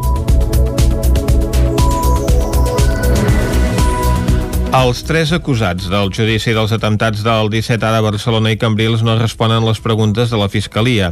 Idris Oukabir i Chein Malal es desmarquen de la cèl·lula terrorista. Isaac Muntades, des de la veu de Sant Joan. El judici dels atemptats del 17 d'agost de l'any 2017 a Barcelona i Cambrils va començar aquest dimarts a l'Audiència Nacional i va arrencar amb la declaració dels tres acusats supervivents de la cèl·lula terrorista de Ripoll, Mohamed Huli Shemlal, Drisu Kabir i Said Ben Yaza. El primer, que és el que s'enfronta a les penes més altes de presó amb una petició de la Fiscalia de 41 anys, es va acollir el seu dret a no declarar i va ratificar la declaració que va fer el 22 d'agost del 2017. Una declaració que la defensa volia veure a la vista oral i on hi apareixia Huli Shemlal amb cadira de rodes, ja que va quedar ferit per l'explosió a la casa del Canà, però el jutge Félix Guevara no va permetre que es pogués veure. En canvi, Juli Shemlal sí que va contestar les preguntes de la seva advocada, però abans va deixar un missatge de penediment. Voy a tenerme a mi derecho a declarar y me ratifico en todas las declaraciones que hice anteriormente, ya que siempre que se me ha llamado a declarar, he declarado, incluso declaré una vez voluntariamente y siempre mostrando mi voluntad de colaborar y mi arrepentimiento. Precisament, després d'això, la Fiscalia representada per la fiscal Anna Noé va demanar l'exhibició dels vídeos gravats per Huli Shemlal, segons ell, per obligació dels seus companys, on s'hi podien veure tres dels terroristes, entre ells l'autor de la matança a les Rambles, Younes Abu Yaqub, fabricant els explosius i proclamant consignes a favor de la jihad i contra Occident. En el cas d'Adris Ukabir i Said Ben Yaza, tots dos van negar haver participat en els atentats terroristes. Ukabir només va contestar a les preguntes de la seva defensa i va negar ser practicant. No era una persona ni religiosa ni, ni practicante, que yo no conozco al imán, ni iba a la mezquita, mi vida pues consistía en la vida de aquí, salir de fiesta, yo era consumidor de drogas, cocaína, hachís, salir de fiesta, alcohol, y esto me da vergüenza decirlo, pero ir con chicas de, de compañía, pues mi vida así era esto, trapechar con drogas para buscarme la vida. A més, Ukabir va dir que es va entregar voluntàriament quan la seva parella el va avisar que l'havia vist a la televisió i que presumptament quan el van detenir els Mossos d'Esquadra van agredir-lo. Ukabir va negar haver estat al xalet del Canà i de fet que no coneixia ni on estava ubicada la població. L'acusat també va dir que el seu viatge al Marroc no va ser per adoctrinar-se, sinó per desconnectar després d'una ordre d'allunyament de la seva parella i que hi ha fotografies seves a la platja de Tànger que ho demostraven. A més, va tornar del Marroc perquè la jutgessa va dir-li que posaria una ordre de cerca i captura contra ell si no ho feia. Ukabir va dir que no veia massa el seu germà i que ell pensava que estava involucrat en un tema de robatoris, a més d'assenyalar que el mes abans de l'atemptat l'insistia perquè anés a la mesquita i resés. Pel que fa al lloguer de la furgoneta, Ukabir va dir que ho va fer com un favor per fer una mudança perquè ells no tenien l'edat per fer-ho. Per la seva part, Ben Yas es va limitar a respondre a la seva defensa dient que només va donar la documentació als membres de la cèl·lula terrorista per llogar una furgoneta, perquè eren clients del local on treballaven i que la volien per portar productes de neteja. Per la seva banda, el primer testimoni del judici que va ser un agent dels Mossos que es va encarregar de la investigació els primers mesos va dir que a la casa del Canà es va trobar documentació i material sobre l'estat islàmic, una carta atribuïda a l'imam de Ripoll, Abdelbaki Satí, i una data marcada al calendari, el 20 d'agost, tres dies després de l'atemptat. Segons la gent, els atacs s'havien de fer en furgonetes carregades d'explosius, bombones de botar, granades de tub i cinturons explosius. El sindicat de poble de Sant Antoni de Vilamajor ocupa un bloc de 19 pisos propietat d'una entitat bancària per cedir-lo a 21 persones veïnes del municipi. David Oladell, de Ràdio Televisió, Cardedeu. Dilluns a la tarda van anunciar l'ocupació del bloc que portava molts anys abandonat i en condicions deplorables al centre de la població. Fa uns dies que hi han entrat i ja s'està rehabilitant. En aquest bloc hi ha 19 dels 132 habitatges a Vilamajor en mans de grans tenidors que fa més de dos anys que estan buits. Des del mateix dilluns l'anomenen bloc del sindicat. La intenció del grup ocupant és rehabilitar-lo amb la feina desinteressada de molta gent i s'hi allotjaran 21 veïns del poble, incloent 7 menors. En sintonia amb els valors del sindicat, es fomentarà la bona convivència, el respecte, el suport mutu i la implicació veïnal des de la posició de força de l'ocupació social, exigeixen a la propietat lloguers socials per la gent del bloc, com s'ha fet en altres casos que s'ha aconseguit. El Moviment Popular per l'Habitatge defensa les ocupacions socials als pisos buits de bancs, fons voltors i grans tenidors, perquè consideren que és l'alternativa de la gent més desfavorida que es troba en situació límit. Des del síndic de poble manifesten que una llar assegurada és fonamental per la vida i la salut i consideren que ara mateix això ho han trastocat els bancs i fons voltors. Critiquen que estem en un sistema injust que imposa una legalitat feta a mida per perpetuar els privilegis de pocs i conclouen que és el moment que han d'estar units i plantar cara per construir una societat solidària i no deixar ningú enrere. El Pla d'Ordenació Urbanística Municipal de Manlleu no s'aprovarà aquest any. Així ho assegurava el primer tinent d'alcalde Enric Vilaragut a l'angle obert del Nou TV, on també va repassar altres temes d'actualitat com el tancament de Prismian. L'aprovació provisional del POUM de Manlleu no passarà per ple abans que finalitzi el 2020. El regidor de Serveis territorials i primer tinent d'alcalde, Enric Vilaragut, ho atribueix a un principal motiu, el riu. Per una part és una joia perquè tenim el passeig al Ter i, i, i, tenim molts inputs favorables i afegits, però per altra part el riu, eh, els rius mediterranis, tenen aquests problemes d'inundabilitat. Poden créixer de cop i ens creen, generen problemes d'inundabilitat. Sobre el tancament fulminant de Prismian, Vilaragut considera que és una mala jugada per part de l'empresa i assegura que els hi ha agafat totalment per sorpresa. Les empreses tenen les seves dinàmiques, nosaltres, evidentment, sí que intentem conèixer o saber què hi ha, però en aquest cas concret no sabíem res i ens ha caigut de, com una llosa. En l'entrevista, tot, tot i incidir, perdoneu, en el fet que ara el més important és centrar-se en les persones que perdran la feina, el primer tinent d'alcalde té clar quin tipus d'empresa li agradaria veure el cordó. En empresa tecnològica amb el valor afegit, que és el que ens, ens, ens, ens aniria bé, tant per la ciutat com pels estudis que estem intentant implantar a, a, a Manlleu. En l'entrevista de dimarts, Vilaragut també valorava la polèmica del vídeo on es veia l'alcalde de Manlleu, Àlex Garrido Begut. Vam estar dos dies amb meus companys de xoc total perquè l'alcalde, que per mi és un gran alcalde, però és clar és una persona molt propera, un amic, i aquella situació no va ser gens agradable per nosaltres. Apunta que tot i passar-ho molt malament va ser una bona experiència humana i política. L'Ajuntament de Call d'Atenes ha iniciat el camí per incorporar al poble la figura d'un vigilant municipal. Tot i que la creació d'aquesta plaça no serà immediata, l'objectiu de l'equip de govern és donar-li curs i arribar a cobrir-la almenys durant aquest mandat. Segons el regidor Roger Pradell, darrerament han detectat una tendència a l'alça dels fets incívics i els sembla que la figura d'un vigilant pot ajudar i jugar un paper important al poble. Pradell serà precisament la persona que rebrà formació específica de l'Institut Català de Seguretat sobre la normativa i els requisits a l'hora de crear la plaça amb la possibilitat que també s'acabi convertint en una de les potes d'una futura regidoria de seguretat. Amb la incorporació del vigilant, Call d'Atenes s'equiparà a Sant Pere de Torelló, a Sant Vicenç de Torelló o a Sant Julià de Vilatorta, municipis de mida similar que actualment ja compten amb aquesta figura.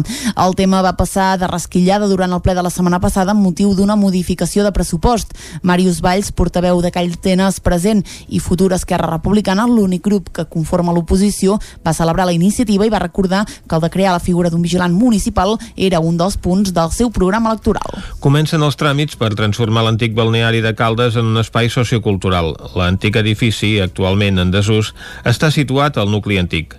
Caral Campàs, des d'Ona Codinenca. L'Ajuntament de Caldes ha fet les primeres passes per transformar l'edifici principal de l'antic balneari de Can Riu, situat al casc antic de la població, en un equipament social amb diferents usos. El primer tràmit ha sigut l'aprovació del pla especial que contempla dos usos dominants, sociocultural i habitatge dotacional. El document aprovat preveu que les plantes 1, 2 i 3 es destinin a habitatge dotacional. També pronostica l'ampliació del Museu Termàlia a la primera planta i al soterrani i fins i tot contempla la possibilitat de situar necessari un mercat municipal.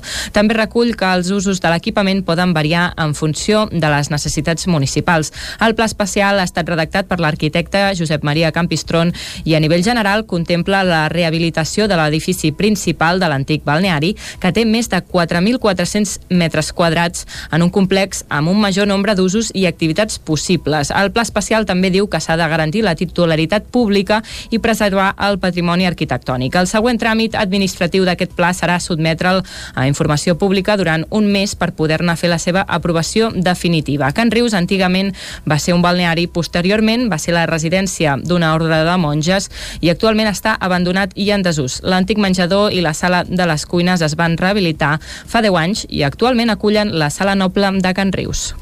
La Gescava de Vic i la Cabra se sumen a la iniciativa L'últim concert. Són dues de les sales de Catalunya que impulsen l'acte reivindicatiu L'últim concert que tindrà lloc el proper 18 de novembre per cridar l'atenció sobre el perill que corren aquests espais culturals tancats des de la declaració de l'estat d'alarma el passat mes de març. L'últim concert serà una actuació que es podrà veure en streaming amb la participació de diversos artistes. La iniciativa és d'àmbit estatal i a Catalunya la, la lidera l'Associació de Sales de Concerts de Catalunya. En un manifest que han han fet públic aquesta setmana, les sales de música de Catalunya es queixen de la inacció política en quant al reconeixement de les sales com a espais culturals. Segons els promotors, ja són 15 les que han tancat definitivament. A Vic només la Cava va poder dur a terme el Festival de Jazz el passat mes d'octubre en una carpa a l'exterior de l'Atlàntida. El Festival Fora Muralla, que havia de tenir lloc aquest novembre, ha quedat suspès. Aquest estiu l'entitat també va organitzar concerts a la plaça del Carbó, però ara per ara veuen molt difícil reprendre l'activitat a dins de la Cava per la seva reduïda capacitat. La Cabra, per la seva part, tenia previst reprendre l'activitat el passat 25 de juliol amb un concert de Guillem Remisa que a última hora es va haver de suspendre per les restriccions davant l'augment de contagis de la Covid-19. I fins aquí el butlletí de notícies de les 10 del matí que us hem ofert amb les veus de Vicenç Vigues, Clàudia Dinarès, David Auladell, Caral Campàs i Isaac Muntades. Ara el que toca és recuperar la informació meteorològica i, per tant, saludarem de nou el Pep Acosta.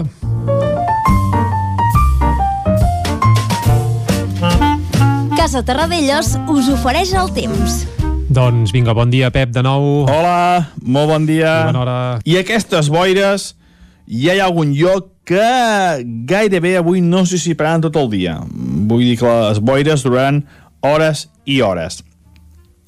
De cara a migdia, per això, el sol serà gran protagonista gairebé totes les poblacions Esperem-ho. i les temperatures seran molt agradables. Les màximes gairebé la majoria entre els 17 i els 21-22 graus.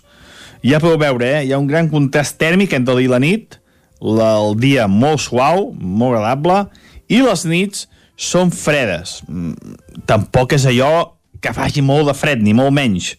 Em podria fer una mica més aquestes dates. Jo crec que aquestes dates ja haurien de tenir glaçades a bastantes poblacions i, com deia l'altre dia, estan les temperatures 2-3 graus per sobre normal. Mm, una mica més de fred hauria de fer.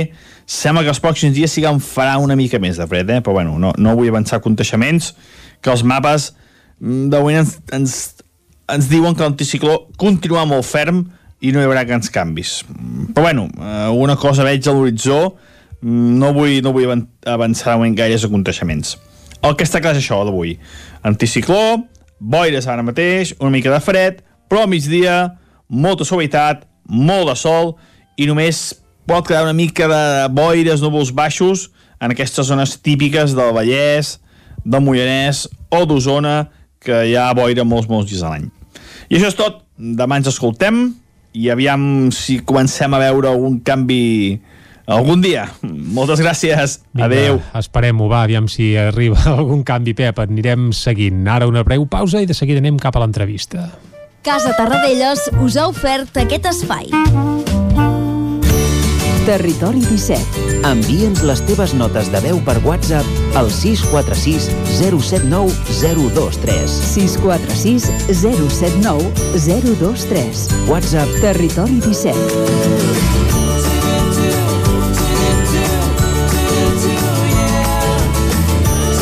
Territori 17. Som a Facebook, Twitter i Instagram amb l'usuari Territori 17.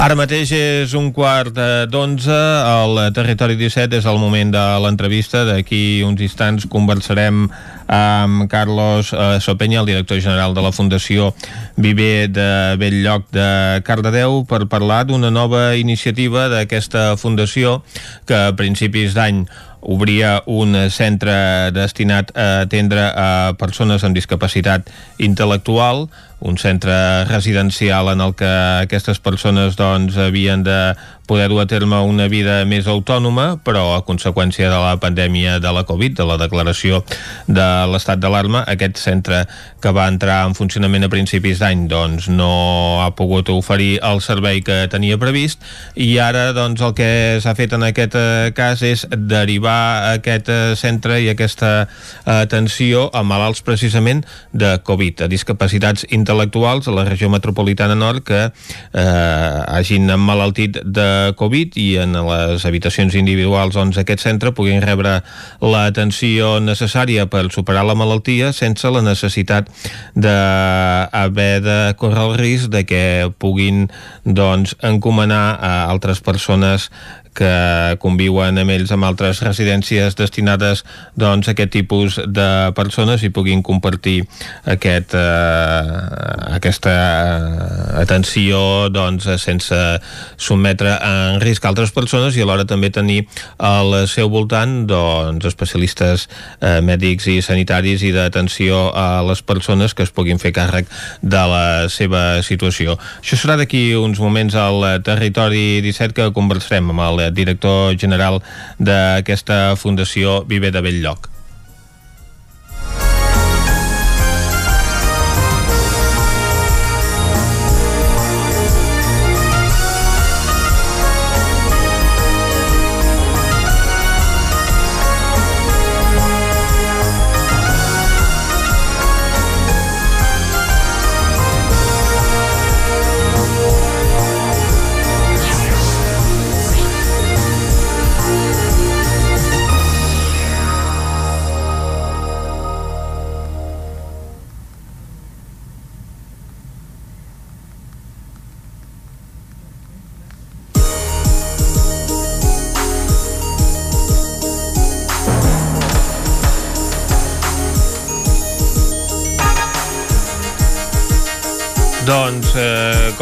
Dèiem, eh, anem a parlar amb Carlos Sopenya, el director general de la Fundació Viver de Belllloc, i, i ho fem a través de Ràdio Cardedeu, on hi tenim a l'Òscar Muñoz. Bon dia.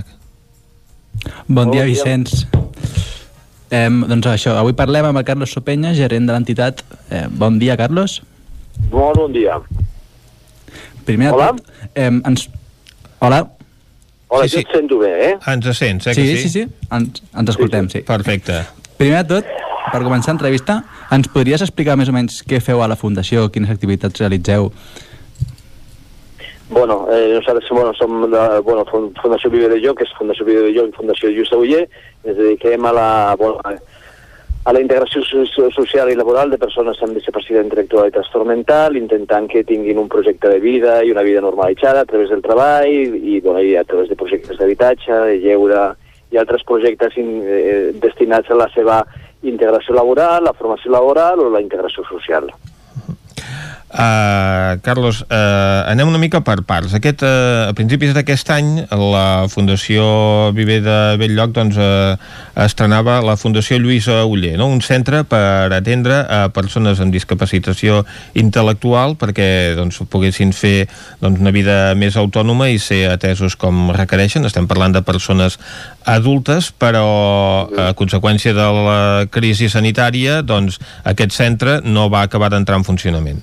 Exactament. Bueno, el centre mm, està construït des del mes, acabat de construir des del mes de març de l'any 2019, Uh -huh. que ja estava preparat. I aleshores, com la, bueno, que en principi és un centre que hauria de, ser, hauria de tenir places públiques, concertades amb el Departament de Treball i Benestar i Afers Socials, i com tots coneixem, la falta de recursos del nostre govern, doncs eh, aquest centre no s'ha pogut obrir perquè la Generalitat no, no ha pogut concertar les places. I aleshores, bueno, malgrat que a Catalunya eh, tenim una llista d'espera de més de 3.000 persones amb discapacitat intel·lectual pendents d'una plaça residencial, doncs, bueno, tenim la situació econòmica és la que és i no, i no s'ha pogut estrenar. Uh -huh. Mm. I, eh, I ara, doncs, amb aquest eh, centre eh, acabat d'inaugurar, a punt d'entrar en funcionament, doncs s'ha decidit provisionalment destinar-lo a uns altres usos, no? Sí, exactament. El, el, el tema és que bueno, tenim la pandèmia del Covid, eh, hi ha eh, serveis residencials que tenen moltes dificultats per aïllar a persones amb discapacitat que, estan, eh, que estan, són residents dels seus equipaments perquè no tenen espais per, per fer els aïllaments i aleshores la Generalitat ens ha demanat a veure si podem utilitzar aquest, aquest equipament nostre amb, en, en habitacions individuals. Tenim 10 habitacions, dos dobles i 8 individuals, dos habitacions individuals amb les quals són 10 places, per persones d'altres residències que puguin venir aquí temporalment per fer la quarantena a la, al nostre equipament i en principi no tinguin el seu equipament de referència, la seva residència de referència, no tinguin problemes perquè es puguin contagiar altres persones. I aquest és el tema, o sigui, hem, hem, hem començat aquest dilluns, dia 9, ara mateix tenim només eh, dues persones, però la idea que és que puguin anar venint doncs, bueno, fins a aquestes 10 persones. Serà com un, com un centre d'urgències. Uh -huh. sí, aniran, entraran i sortint persones d'acord amb, amb, amb, amb, amb, amb persones eh, contagiades pel Covid, que temporalment vindran aquí, quan ja estiguin curades ja passaran una altra vegada a la seva residència. Mm -hmm. Vale? Per què són tan importants aquests equipaments? Perquè si no fos eh, per vosaltres, com acollirien aquests pacients a veure, el problema és que tindrien problemes, o sigui, el problema és que tindrien, tindrien problemes els seus equipaments de referència. Moltes, el, la situació de moltes ja residències de, del, del país i de la comarca és que moltes vegades les habitacions són dobles, amb la qual i hi ha, una, hi ha una saturació important, no hi ha places lliures. Aleshores, si no es poden aïllar dintre del seu equipament, les altres persones amb les que conviuen podrien estar en perill també de contagiar-se. I és una manera fàcil de que les, les residències continuïn funcionant de la, de la manera habitual i aquestes persones puguin acabar de curar a, a, a, a la nostra residència. Uh -huh. és, una, bueno, és una manera sobretot de, que, de facilitar eh, el, facilitar el funcionament de les residències actuals i que les persones també puguin estar ben ateses, perquè clar, una persona amb discapacitat intel·lectual aïllada eh, a una habitació sense possibilitats de sortir al, al, a un jardí com pots fer aquí, doncs és molt, està molt, molt pitjor atesa que no que, que pugui venir al nostre equipament. Uh -huh. I estem parlant de persones que han donat positiu o que estan en quarantena per contacte amb algun positiu? No, eh, persones inicialment que han donat positiu, uh -huh. eh, que ja siguin asimptomàtics o que tinguin símptomes lleus, o sigui, que no, que no requereixin una, una ingrés hospitalari. Uh -huh. Són i al, a l'atendre aquest tipus d'usuaris us obliga també a, a que el, el personal doncs, que els atengui tingui alguna formació eh, específica, a l'entendre que en aquest cas doncs, no són les persones que habitualment hauríeu d'atendre en aquesta residència, sinó que són malalts d'alguna patologia molt concreta, no? Sí, principi, a veure, la formació que, de les persones que hem contractat per retirar endavant el projecte són persones amb de clínica, amb atenció a la dependència, i algunes persones amb, amb integració social, perquè, eh, bueno, però sobretot relacionades amb molt atenció, atenció a la dependència, un perfil molt similar que el que podem trobar en una residència de gent gran. Uh -huh. I hi heu hagut d'aplicar algunes eh, mesures de prevenció i d'adaptació de, de, de la residència per atendre aquest tipus de malalts? Bueno, en principi la residència està tal com estava. Uh -huh. Simplement que el que hem, hem fet és una preparació del personal, hem fet tot un procés de formació de tot el personal que, que accedeix, tot, eh, tots els professionals, des del CAP de Carradeu doncs, ens han fet tota un, una formació eh, específica perquè sàpiguen com han de, com han d'utilitzar sobretot la utilització dels EPIs. Són persones que tots els, els, els professionals que estan a dintre de la residència han de portar tots els EPIs eh, i han de, bueno, sobretot per temes de seguretat i salut. I aleshores des del, des del cap de, de Cardedeu doncs ens han donat un suport molt important. Nosaltres els, els, els hi agraïm públicament avui perquè realment el, el seu, eh, la seva atenció ha estat extraordinària. I aquestes persones doncs, que han començat a, a arribar però que aniran arribant a aquest centre procedeixen tots a la mateixa regió metropolitana nord? Inicialment han de, han de venir de la regió metropolitana nord, malgrat que sí que també hi ha una sobresaturació en altres, en altres regions sanitàries, també podrien venir. Eh?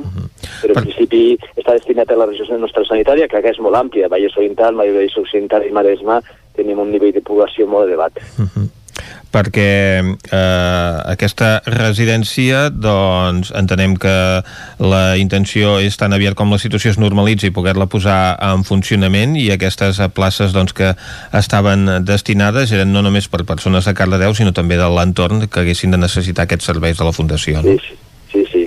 Sí, sí, la nostra idea i és el que intentarem amb el Departament d'Afers de, de, Socials és que quan tot això del, del Covid s'acabi, doncs que aquesta residència pugui tenir continuïtat per, per, per persones amb discapacitat que tenen necessitat de tenir una plaça residencial i, bueno, i pugui tenir ja una activitat continuada. Això és la... O sigui, nosaltres tenim una llista d'espera molt gran, eh, ja sabeu que tenim la residència aquí al carrer Tarragona, uh -huh. per 16 persones, però bueno, la demanda és molt elevada, tant de persones que estan ateses a la nostra entitat en diferents serveis, com persones ateses a altres, altres entitats, o sigui que estan, o que estan en, en CRAES, persones amb discapacitat, i que, bueno, que estan esperant tenir una plaça per poder entrar. Uh -huh. Doncs Carlos Openya, director general de la Fundació Viver de Belllloc, gràcies per acompanyar-nos.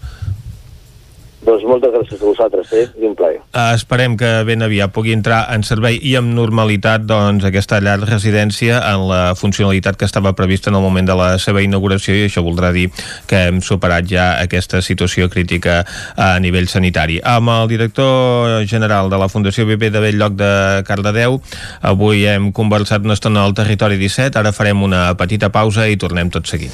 Correcte, a dos quarts en punt, tornem després d'una pausa. Ho farem com sempre sempre amb piulades i amb la taula de redacció i després literatura. Fins ara mateix. Territori 17 el nou FM. Només pensar en passar aquesta nit sense calefacció amb aquest fred? No es preocupi, hem analitzat a fons la caldera i de seguida quedarà reparada i en funcionament. Quan tingui un problema amb la seva caldera, vagi directament a la solució. Truqui sempre al Servei Tècnic Oficial de Saunier Duval i despreocupis, perquè som fabricants i coneixem les nostres calderes peça a peça. Informis a Oficiat Nord trucant al 938860040. Saunier Duval, sempre al seu costat. Cocodril Club. Si t'agrada la bona música dels anys 60, 70 i 80, escolta el 9 FM als matins de dissabtes i diumenges d'11 a 1. És el temps del Cocodril Club, tot un clàssic de la ràdio, amb les bases del pop-rock, les llegendes, les cançons que s'han convertit en autèntics himnes. Recorda, dissabtes i diumenges al matí, d'11 a 1, al 9 FM 92.8. Cocodril Club, el programa revival de l'Albert Malla. Hasta luego.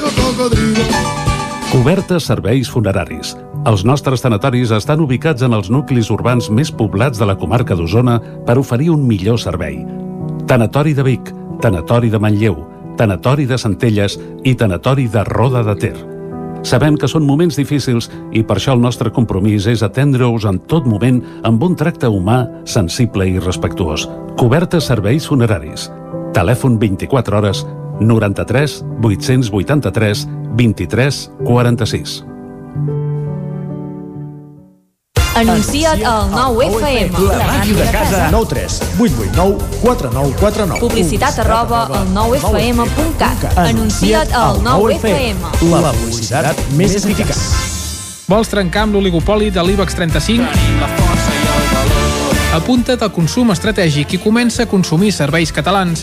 Per això et convidem a omplir el dipòsit a Petrolis Independents. A Osona ens trobaràs al polígon Mas Galí de Vic i a Centelles just després de la sortida sud. Si vols factura, entra a la nostra pàgina web petrolisindependents.cat i dona't d'alta.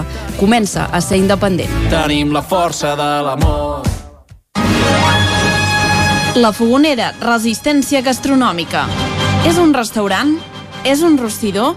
És La Fogonera, la cuina en directe des de GURB, on encarregues, ho vens a buscar i ara també t'ho portem a casa. La Fogonera, resistència gastronòmica. Ara amb la fogonera de dia, amb aperitius, arrossos, segons plats i postres. I quan cau la nit, ens transformem en un popurri culinari. Burgers, pizza, pasta... Truca al 93 851 55 75 o entra a lafogonera.cat. La Fogonera, el teu aliat gastronòmic. El nou FM, el nou FM, el nou FM, el nou FM, el nou FM.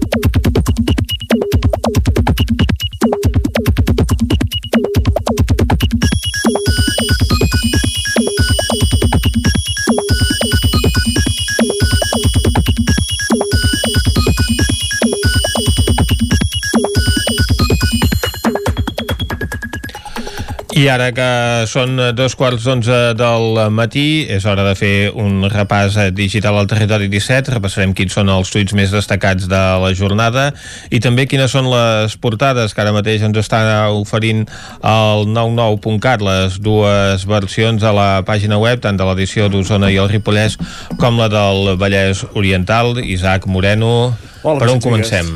Per les pilades. Doncs va. Xavi Font, actor i mestre. El rebut d'autònoms d'aquest mes el pagaran només els 100.000 primers, els 10.000 primers, perdó. Estic enviant el compte corrent perquè els costi trobar-me. Etiqueta autònoms al carrer. Li responen Pep Carol, que comenta el seu tuit i diu, és just. I en Font que respon, diu, el meu compte corrent? Sí, força just. Que consti que els autònoms paguen a l'Estat i qui donava aquesta ajuda era la Generalitat. Sí, diguem-ne ajuda, diguem-ne gincana. Exacte. Uh, el 324 uh, titulava Benitxell Budó demana disculpes als ciutadans que s'han vist afectats pel col·lapse del sistema informàtic en les ajudes als autònoms. El problema real és que no tenim prou diners per fer front al, que la gent necessita. Carai. Joan Comarroure, exregidor de Capgirem Vic, que respon aquesta gent cobra més del doble del salari mitjà, 25.500 euros l'any 2018 de Catalunya. Més de 60.000 euros anuals assegurats. No us faria molta cosa afirmar que no tenim prou diners per fer front al que la gent necessita des d'aquesta posició tan privilegiada? Viuen en un altre món.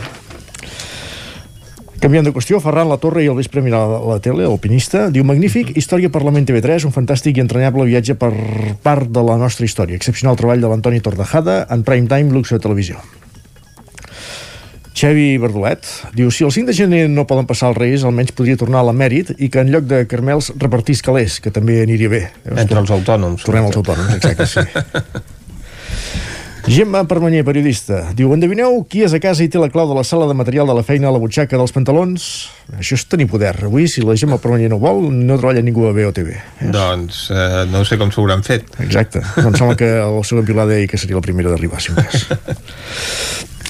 Albert Serra, exalcalde de Roda de Ter, efemèrita, diu Avui fa un any ens visitava el diputat de Cultura de la Diputació de Barcelona, Joan Carles GC, en el marc de les jornades Miquel Martí Pol 2019 us faig extensiva la dedicatòria als rodencs que signaven el llibre d'honor de l'Ajuntament de Roda. I ara em pregunto, ha entrat a despatx de l'alcalde de Magatotis per buscar el llibre d'honor i fer la foto?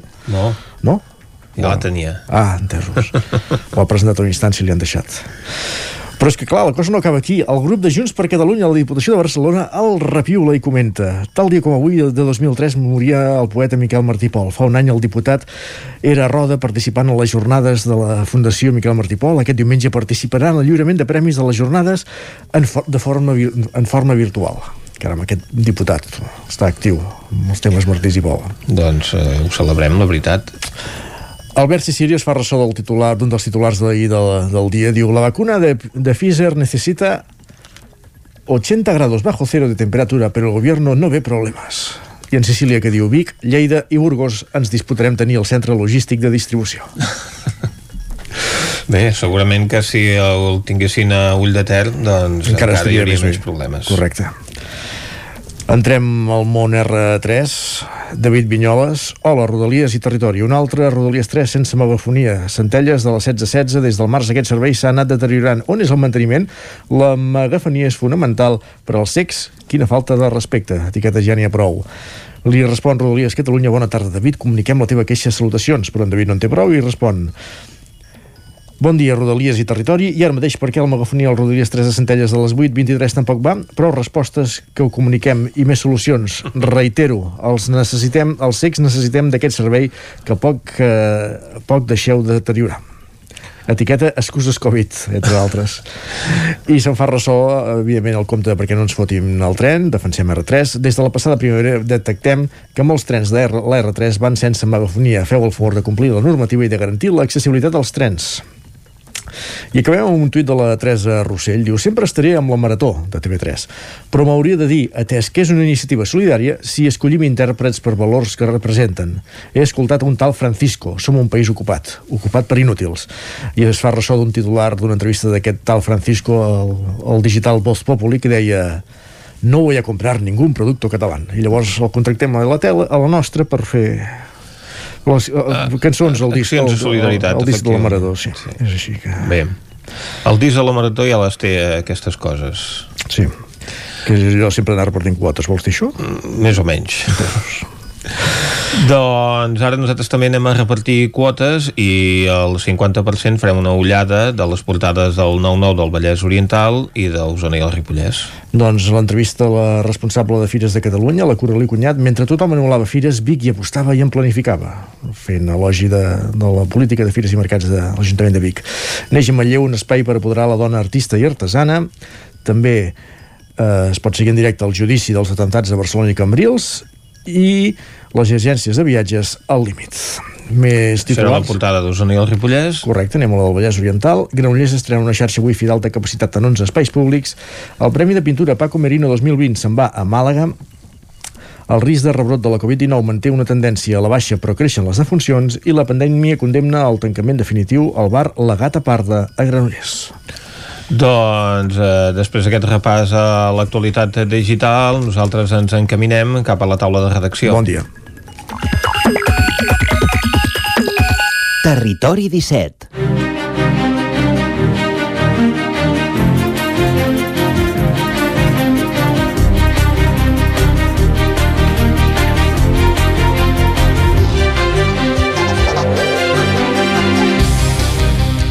I a la taula de redacció avui ens acompanyaran l'Isaac Muntades i la Txell Vilamala.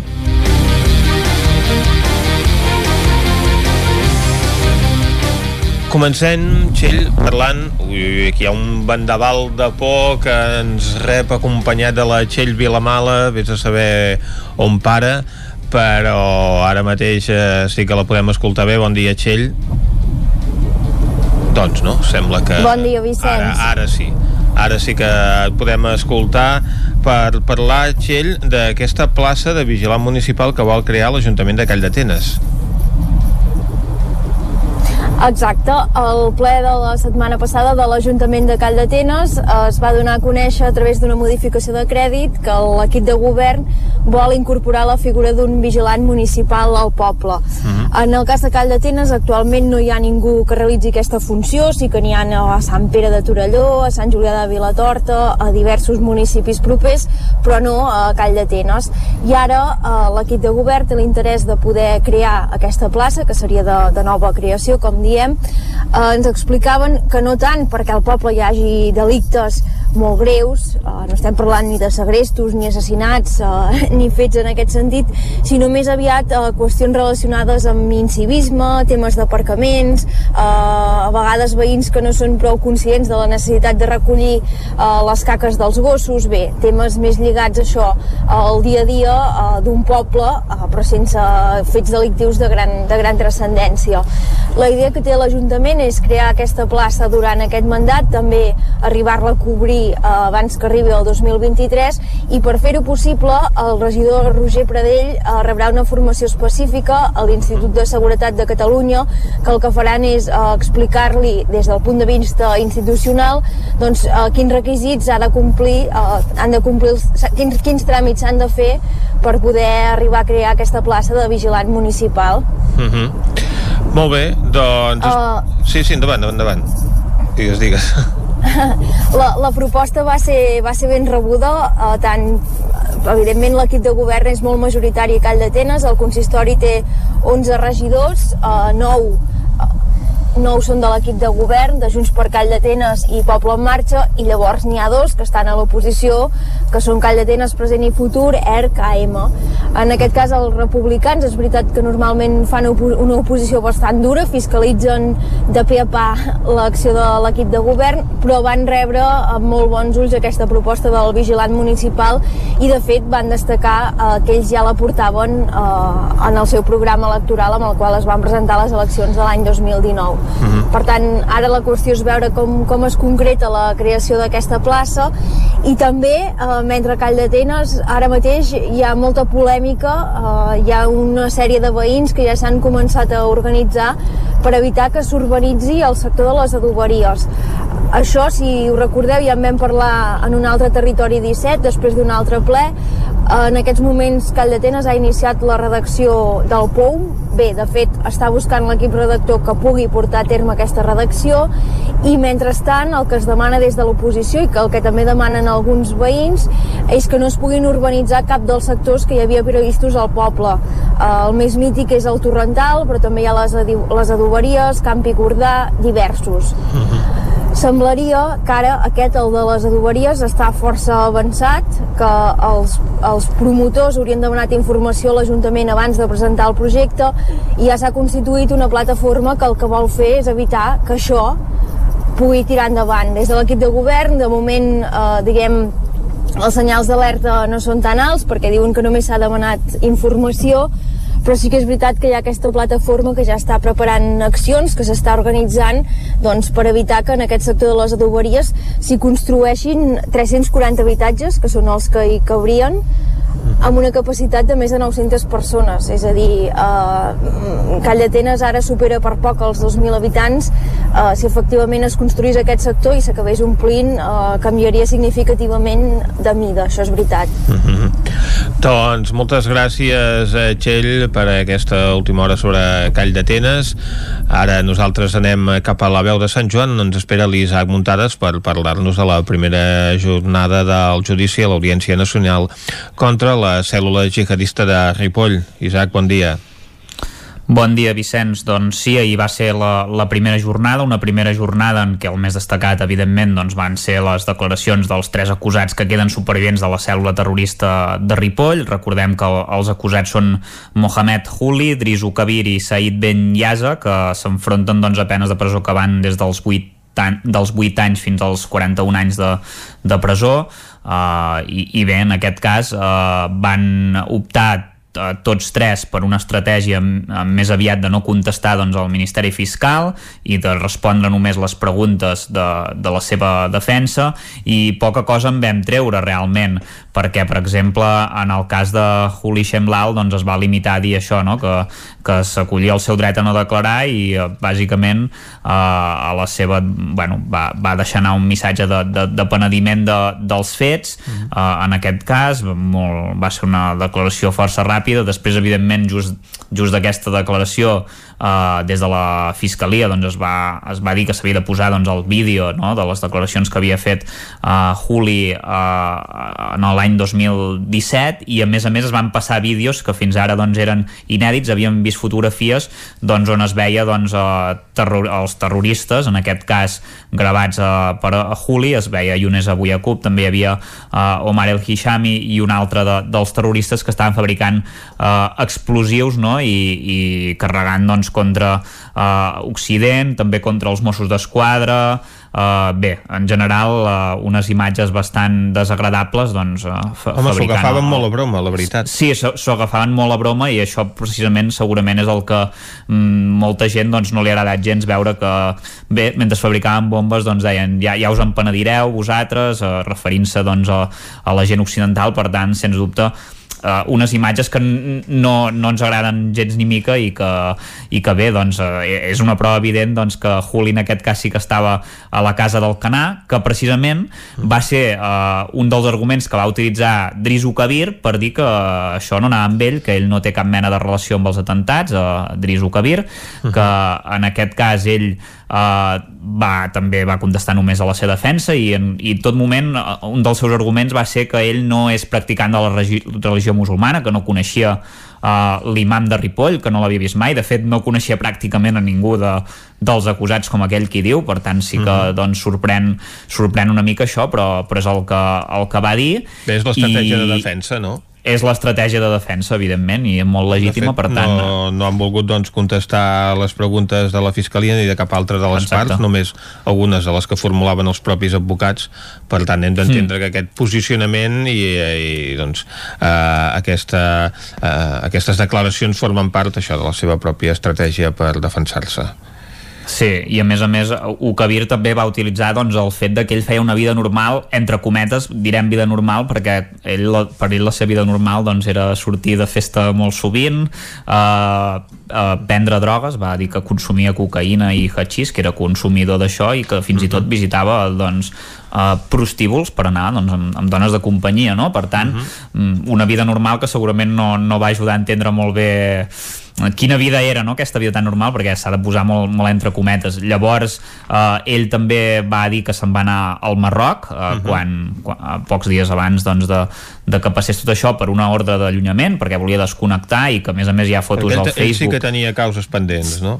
Sí, ell tenia causes pendents per... Uh -huh. em sembla que va ser, a més a més, condemnat uh, també a, a algun any o alguns mesos de presó per, perquè hi va haver-hi doncs, violència domèstica amb la, amb la seva parella i, uh -huh. i ell se'n va anar uns dies per desconnectar al Marroc i, i, de, i comenta que va tornar, em sembla que si no recordo malament són tres dies abans de, dels atentats pel fet de que la jutgessa li va dir que si no tornava que se'l posaria en cerca i, en, en, i captura perquè evidentment s'havia de presentar. També deia que tenia una entrevista de feina a Ripollès Desenvolupament aquells dies, bueno, de fet uh, Ripollès Desenvolupament és una ETT i ell anava doncs, a que li busquessin algun tipus d'entrevista més aviat i, i ell sobretot va negar en cap moment que ja et dic que anés a la mesquita i, i sobre el seu germà va comentar que no parlaven massa i que en l'últim mes sí que li insistia més que, que, resar, que resés i que, i que anés a la mesquita i l'altra part una mica així delicada és el tema de, de la furgoneta que ell va llogar que ell es pensava, ell va dir que es pensava que era per una mudança i que ho va fer perquè eh, no tenien l'edat per fer-ho eh,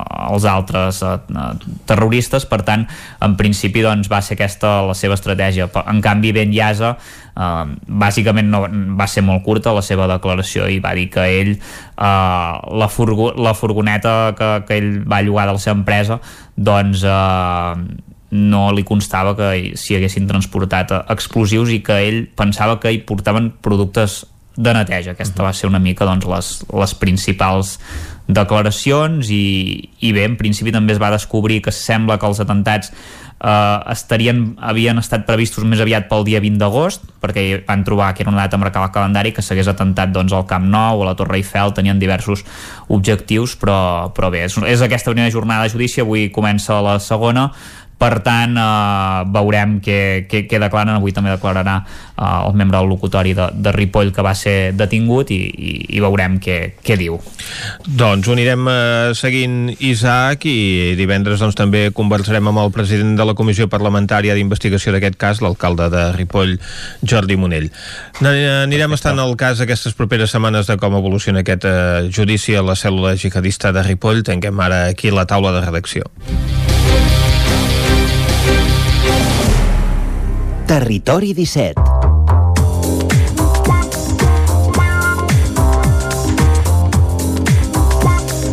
Doncs tanquem la taula de redacció i quan passen gairebé 3 minutets de 3 quarts d'11 del matí, Vicenç, obrim la finestra literària, eh? Avui des dels estudis del nou FM, oi?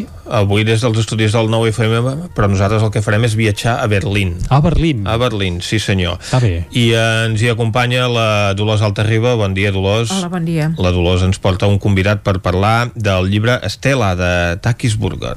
Sí, eh, avui en parlem amb en Jordi Anglada, de la llibreria Anglada de Vic. Eh, és un llibre, evidentment, que ha triat ell per, per comentar. Home, té bon ull per triar llibres sí, i aconsellar sí, sí, sí, els seus en sap, clients. En sap molt, en sap molt. I, i aquest eh, llibre que es diu Estela eh, és, és un llibre que d'entrada eh, primer penses, val, eh, tornem-hi, és Berlín l'any 1942, en plena Segona Guerra Mundial, els nazis i la seva estratègia en contra dels jueus, que és una temàtica ja molt escrita, molt treballada, tant per la part d'historiadors no? com per la part de novel·les i semblaria que ja no hi hauria gaire res que ens pogués sorprendre eh, en aquest en, aquest aspecte, en aquest món, no? I aquesta, bueno, en fi, aquesta retorçadament de, dels nazis, no, Jordi? Però aquest llibre mm, que jo mateixa també pensava que feia mandra per, per la temàtica, no?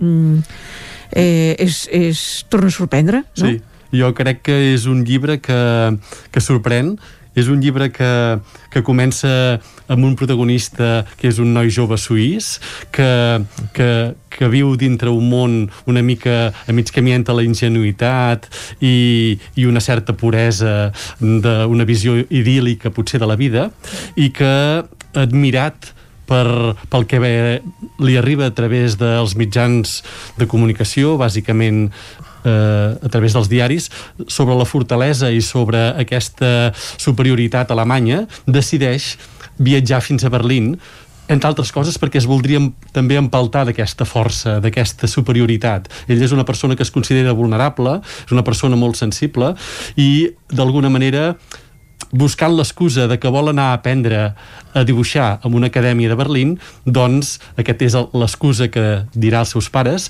però realment el que també té moltes ganes és de descobrir aquest poble que segons sembla és un poble que té una, una superioritat que amb ell d'alguna manera això l'admira i vol, vol, vol anar-ho a, a palpar, no? I aquí comença la història d'aquest viatge iniciàtic d'aquest jove uh mhm. -huh. suís, amb passaport suís, que arriba en plena guerra a Berlín, no? Sí. I aleshores es trobarà amb el que es trobarà. Sí, sí, i que eh, arriba a Berlín i, i, bueno, i el lector el que veu és com eh, coneix una noia que es diu Christine, Christine que després és l'Estela, diguem-ne, i, i s'enamora, i, i bé, és una cosa com això que dius, com que té aquest caràcter jo, és una cosa com immediata, no? s'enamora sí. de la primera que coneix, sí. per dir alguna cosa una noia forta, una noia valenta que, que bé, que més endavant el llibre sabrà que és jueva però que no ho sembla. Que no ho eh? sembla, exactament. I, I aquí és com tu vas fent, vas seguint el llibre i penses, bé, va, una història d'amor, una cosa així tranquil·la, bueno, aquests que, uh mhm. -huh. que fan, que, Home, una, que deixen una història d'amor tranquil·la enmig de la guerra, Sí, sí, però és que, però és que, però és que la, la, la manera com ho explica el llibre uh mhm. -huh. sembla una cosa com si, bueno, eh? a més a més ell viu en un hotel, no té problemes de diners perquè el pare és ric, li paga ell viu en un altre moment, ell va descobrint el que està passant uh -huh. a Berlín de mica en mica Exacte. I, i el lector... Tal com dius Dolors, hi ha dos, dos plans de, de la història. Per una banda hi ha el, cada començament de capítol hi ha com una crònica periodística del que és les novetats que es van succeint cada mes, d'alguna manera, o cada setmana, de tot el que, eh, com es va preparant tota la, tot l'aparell polític i tot l'aparell militar per encarar la situació bèl·lica i que per tant això et fa posar els pèls com a lector de punta perquè saps que tot això es va preparant per, per, pel conflicte i en canvi ells, els protagonistes de la novel·la, viuen en una realitat que sembla paral·lela. No? Ells estan gaudint de la vida vida. Mm. És a dir, eh, disfruten de la conversa en un restaurant, van a un, a un club nocturn, ballen, mm, canten... Mengen, mengen, el que no mengen els altres, diguem, que estan racionats. Exactament, és a dir, estan situats en una altra vida i aleshores veurem que a poc a poc, però,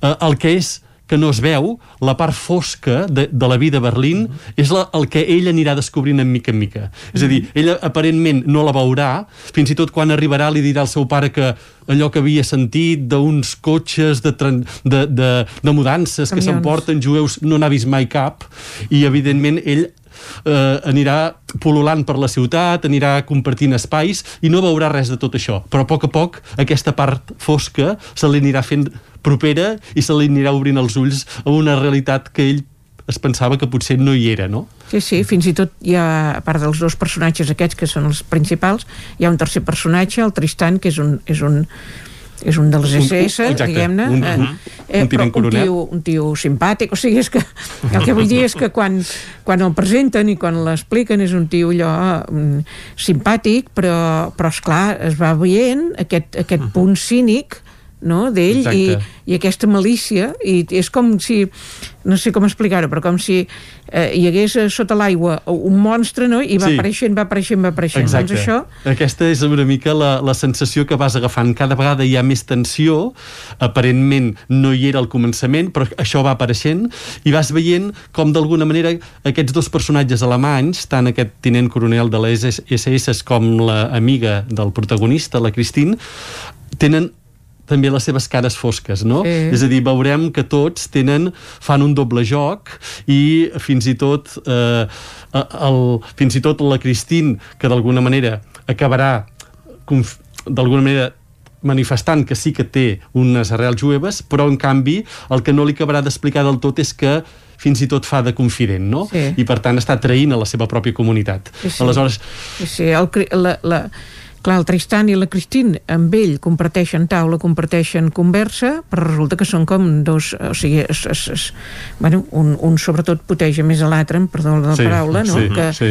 que l'altre, clar, aquesta noia no ho sembla, però ella és d'arrels jueves i no se la perdona. no se la perdona. No se la perdona, eh? tot i estar Sí. absolutament integrada en el món ari, Ari, no? Completament. d'alguna manera Exactament. no se la perdona i, i ella eh, eh, acaba fent, i això és el que està basat en un fet real, eh, d'una noia que va fer això, anar denunciant jueus Mhm. per intentar salvar els seus pares. Exacte. I diem intentar perquè mm, la maquinària ho arrossega, s'ho emporta Sí, tot per davant. tot per davant. Diguem-ne, Exacte. no? I llavors, eh, eh, clar, potser dit així, expliques la història i dius, ah, bueno, vale, doncs va passar això, aquesta era...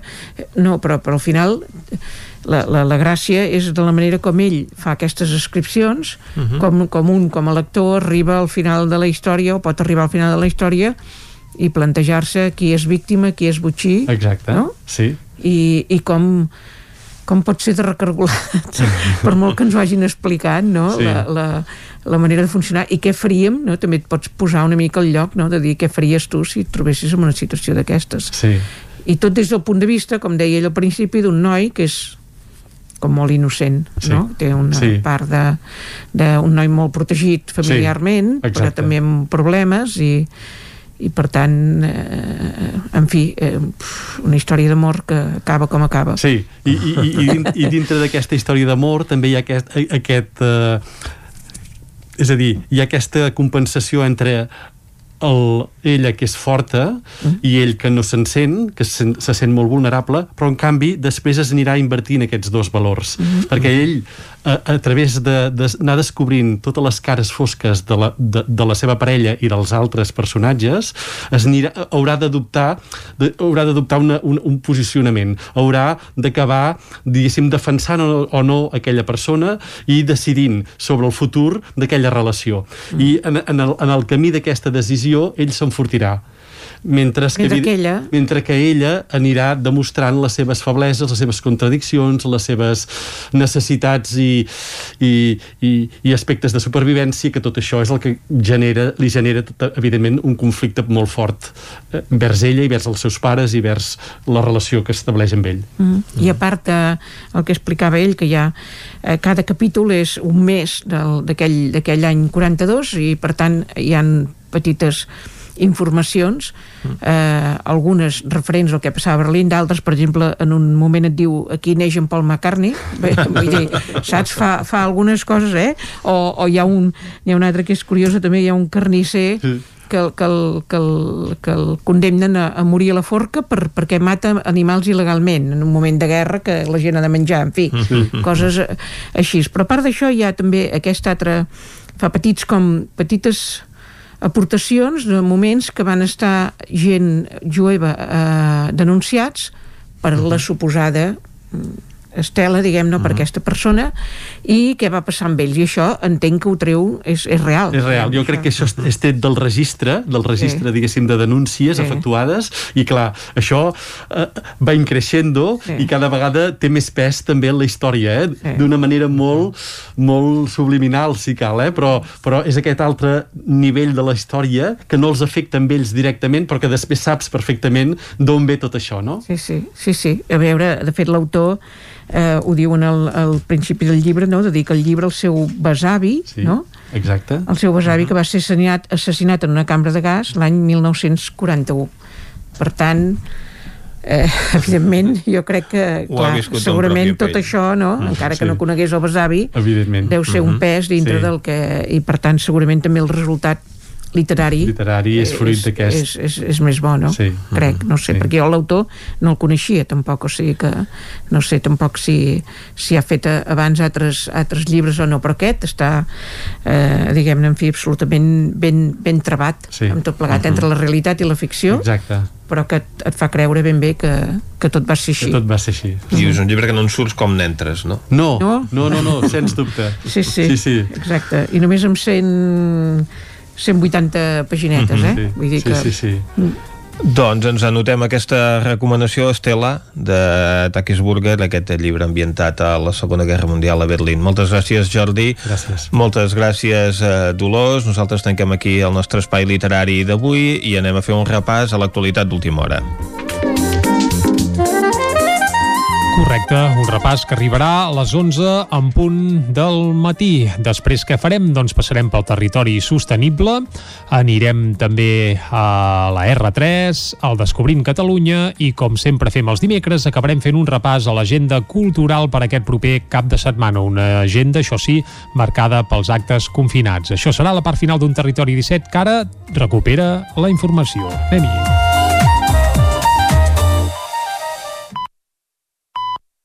Són les 11. Territori 17, amb Vicenç Vigues i Jordi Sunyer.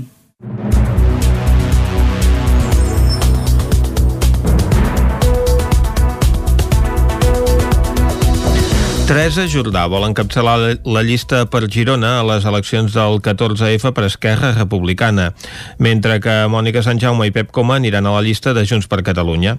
Isaac Muntades, des de la veu de Sant Joan. L'actual conseller d'Agricultura, Ramaderia, Pesca i Alimentació de la Generalitat de Catalunya, Teresa Jordà, va anunciar a través d'un vídeo difós a les xarxes socials que es presentarà com a candidata per encapçalar la llista d'Esquerra Republicana de Catalunya a la demarcació de Girona de cara a les eleccions al Parlament del 14 de febrer de l'any 2021. En principi, l'actual consellera no hauria de tenir cap problema per imposar-se a les primàries per escollir el cap de llista per Girona. De moment, s'hi poden presentar candidatures fins al pròxim 18 de novembre. Podem sentir-la parlant sobre què significa fer aquest pas. Abans deia que em sentia compromesa i il·lusionada.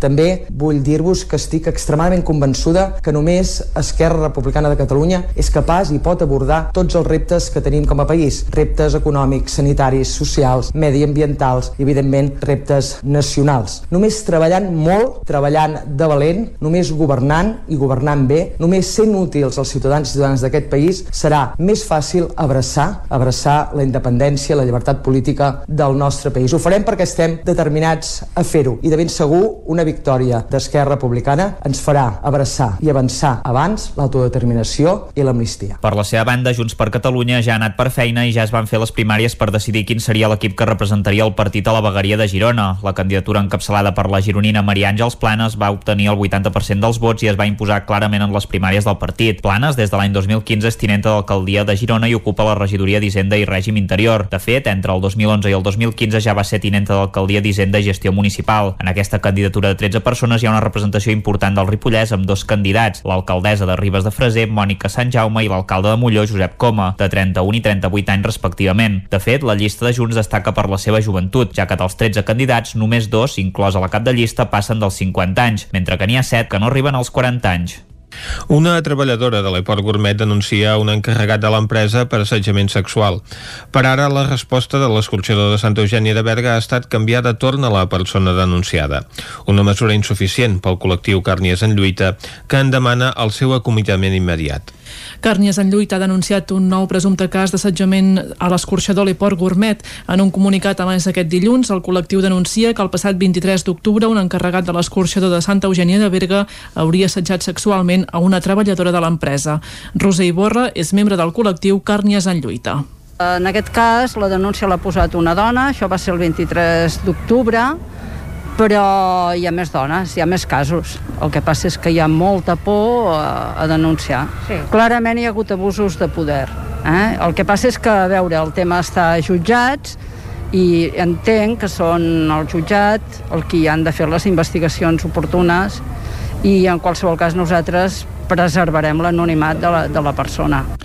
La resposta de l'Eport Gourmet davant d'aquest fet ha estat canviar de torn a la persona denunciada, una mesura insuficient pel col·lectiu Càrnies en lluita que en demana el seu acomiadament immediat. En aquest cas encara no s'ha fet l'ordre d'allunyament i sembla que l'empresa s'ho agafa amb poca contundència, per dir-ho diplomàticament, eh? que que és una actitud molt tèbia, molt ambigua i que, no, que és clarament insuficient el que estan fent. També demanen que en cas d'assetjament sexual, ja sigui dins o fora de l'entorn laboral, les víctimes no dubtin a denunciar. Emília Campellà és membre també del col·lectiu Càrnies en lluita.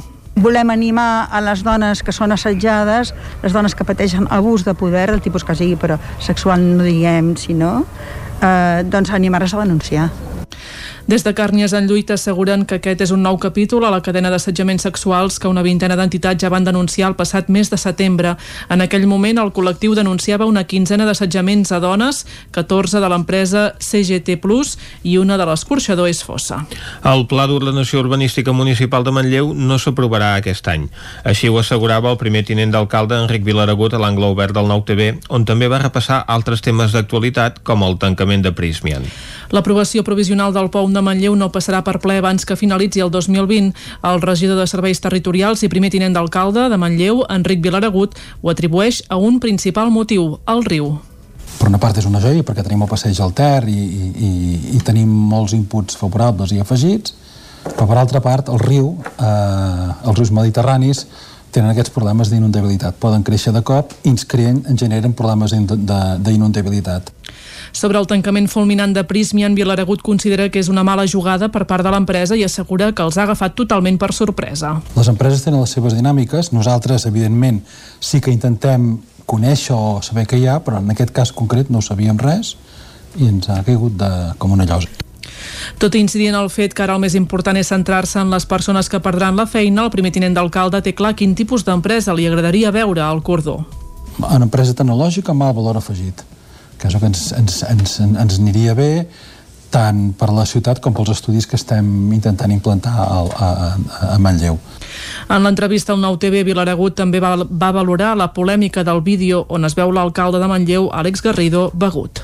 Vam estar dos dies amb meus companys de xoc total perquè l'alcalde, que per mi és un gran alcalde, però és clar és una persona molt propera, un amic, i aquella situació no va ser gens agradable per nosaltres. Apunta que tot i passar-ho molt malament va ser una bona experiència humana i política. Veïns de Sant Pere de Vilamajor suposen a les obres al voltant de les masies de Can Duran i Can Rabenissa, amb la campanya amb la força de Vilamajor SOS Sant Pere. David Auladell, de Ràdio Televisió, Cardedeu. Aquest és el lema amb el que un col·lectiu de veïnes i veïns de Sant Pere de Vilamajor han impulsat una campanya de protesta en contra de les obres d'urbanització que s'han començat aquesta setmana al municipi per encàrrec de l'Ajuntament i que al seu parer afecten greument elements del patrimoni cultural i paisatgístic de la població. Pels impulsors de la protesta, l'actuació urbanística ha començat sense fer el control arqueològic que marca la llei del patrimoni cultural català. Els veïns contraris a l'urbanització van fer dijous una concentració davant la masia de Can Duran per aturar les excavadores. A més del camí antic d'aquesta masia, recorden que les obres també afecten la porxada de Can Ravenissa, dues masies del segle XVIII. Altres elements patrimonials es troben directament afectats, com part del camí i el fossat és de la muralla. A partir d'ara, els veïns volen continuar fent pressió per tal que s'aturi la destrucció del patrimoni històric, paisatgístic, identitari i cultural. Consideren que no és necessari construir més habitatges quan n'hi ha de buits i reclamen que es treballi per aconseguir que el preu de l'habitatge sigui assequible per tothom com a bé bàsic que és. L'Ajuntament de Call d'Atenes ha iniciat el camí per incorporar al poble la figura d'un vigilant municipal. Tot i que la creació d'aquesta plaça no serà immediata, l'objectiu de l'equip de govern és donar-li curs i arribar a cobrir-la almenys durant aquest mandat. Segons el regidor Roger Pradell, darrerament han detectat una tendència a l'alça de fets incívics i els sembla que la figura d'un vigilant pot ajudar i jugar un paper important al poble. Pradell serà precisament la persona que rebrà formació específica de l'Institut Català de Seguretat sobre la normativa i els requisits a l'hora de crear la plaça, amb la possibilitat que també s'acabi convertint en una de les potes d'una futura regidoria de seguretat. Amb la incorporació del vigilant, Call d'Atenes s'equipararà a Sant Pere de Torelló, Sant Vicenç o Sant Julià, municipis de mida similar que actualment ja compten amb aquesta figura. El tema va passar de resquitllada durant el ple de la setmana passada amb motiu d'una modificació de pressupost. Màrius Valls, portaveu de Call d'Atenes Present i Futur Esquerra Republicana, l'únic grup, l'únic grup volem dir que conforma l'oposició, va celebrar la iniciativa i va recordar que el de crear la figura d'un vigilant municipal era un dels punts del seu programa electoral. Caldes presenta un llibret anomenat A rodar lèxic de ciclisme paral·lem en català. El lèxic ha estat elaborat pel Centre de Normalització Lingüística del Vallès Oriental i l'Ajuntament de Caldes de Montbui, juntament amb el Termcat. Carol Campàs, des d'Ona Codinenca. Després de la publicació de dos lèxics anteriors, un el 2014 que feia referència al futbol sala i un altre el 2016 que contenia paraules relacionades amb la natació, l'Oficina de Català de Caldes de Montbui ha liderat aquest nou projecte ara relacionat amb el lèxic de ciclisme. Fa pocs dies s'ha presentat a Rodar, un treball elaborat entre el Centre de Normalització Lingüística del Vallès Oriental i l'Ajuntament de Caldes. Aquest lèxic de ciclisme té el mateix format que els vocabularis de futbol sala i el de natació, amb la voluntat que els identifiquin com uns lèxics d'una mateixa col·lecció. Inclou una història central, un glossari i una il·lustració d'una bicicleta amb el nom de cadascuna de les parts. Esther Franquesa, directora general de Política Lingüística i presidenta del Consorci per la Normalització Lingüística, es va referir a l'objectiu que hi ha darrere d'aquests lèxics. Aquesta col·lecció de, de lèxics esportius eh, va començar amb la voluntat de dinamitzar la llengua catalana en l'àmbit esportiu no competitiu i de caire més popular. L'objectiu, doncs, eh, per, per fer aquest lèxic era recollir aquestes formes més populars que es, que es diuen en la pràctica del ciclisme, a vegades expressades en paraules, com he dit abans, de, de diversa procedència, és a dir, recollir-les, definir-les i donar-les a conèixer en la nostra llengua. Franquesa també va explicar a qui està destinat el lèxic. Segons la directora, és útil tant per a escoles com per a esportistes o botigues. Un, un, un lèxic o unes paraules que serveixin tant per a ciclistes eh, més experimentats o per, també per a aquelles persones que només tenen l'esport com a diversió. Però important que el puguin fer en català. El lèxic recull uns 90 mots o expressions tant formals com informals. Alguns exemples de les expressions informals són baixar tot drap, cop de pedal o amb passaconetes i surten dels mateixos clubs amb qui han contactat des del Consorci i Termcat. Per això, per l'elaboració d'aquest vocabulari s'ha comptat amb la col·laboració, per exemple, de l'Esport Ciclista Calderí i el Club Ciclista de Sant Celoni. I fins aquí el butlletí de notícies. Ara repesquem la informació meteorològica.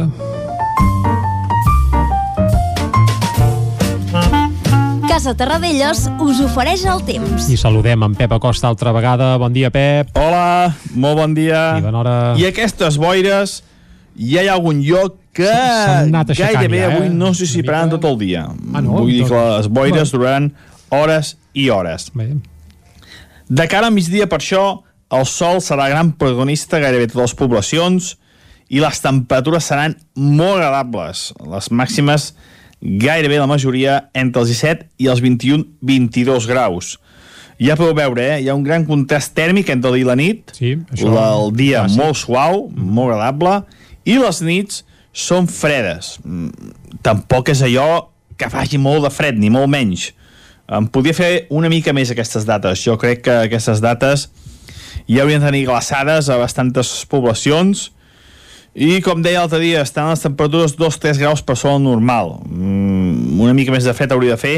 Sembla que els pròxims dies sí que en farà una mica més de fred, eh? però bueno, no, no vull avançar contaixements, que els mapes mm, de moment ens, ens, ens diuen que l'anticicló continua molt ferm i no hi haurà grans canvis. Mm, Però bueno, una cosa veig a l'horitzó, mm, no vull, no vull avan- avançar gaires aconteixements. El que està clar és això d'avui.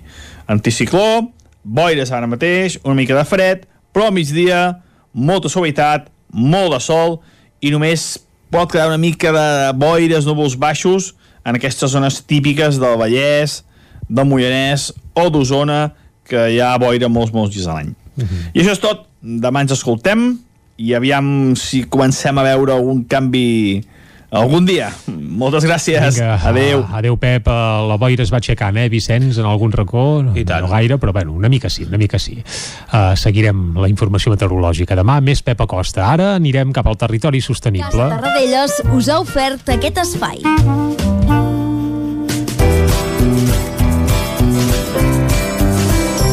Doncs és el moment d'anar cap a Ona Codinenca amb el Jordi Givert, que ens acosta alguna proposta al territori sostenible que arriba cada setmana, cada dimecres aquí a Territori 17.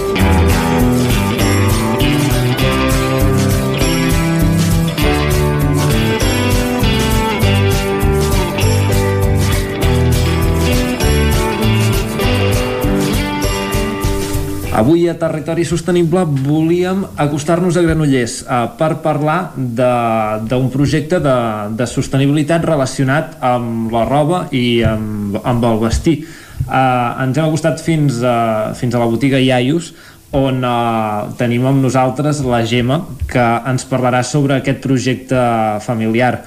Eh, hola Gemma. Hola Jordi, què tal? Bé, mira, uh, volíem conèixer una mica la, la vostra manera de treballar uh, per parlar de roba de, i d'una manera que, que sigui sostenible i molt lluny de, del que estem acostumats a, a veure la majoria de comerços de, del nostre entorn. Um, per començar una mica i conèixer-vos millor, com, com surt la idea de, de fer aquest projecte? Vosaltres uh, sou una família que, que ja us treballeu això des de fa temps. Sí, a la meva família es dedica al textil des de fa cinc generacions, a jo, jo i el meu germà seríem la cinquena generació, eh, i tenim botigues, eh, una, bueno, una botiga de roba a Granollers. Um, um, el, el que sí que el meu, el meu besavi havia arribat a tenir una fàbrica de punt i havia fet jerseis, de fet encara conservem una llibreta on té tot dibuixats tots els, els dissenys dels jerseis, després aquesta fàbrica va tancar i vam seguir amb la, amb la botiga. Mm, I després, eh, sí que als anys 90, el meu pare va crear una marca per la pròpia botiga, per Drax, és una botiga que hi ha a Granollers, uh, i van fer uns jerseis que es deien iaios, que eren uns jerseis doncs, bueno, amb, amb, fets amb regenera tallana, eh, que es van fer durant uns anys i es van deixar de fer.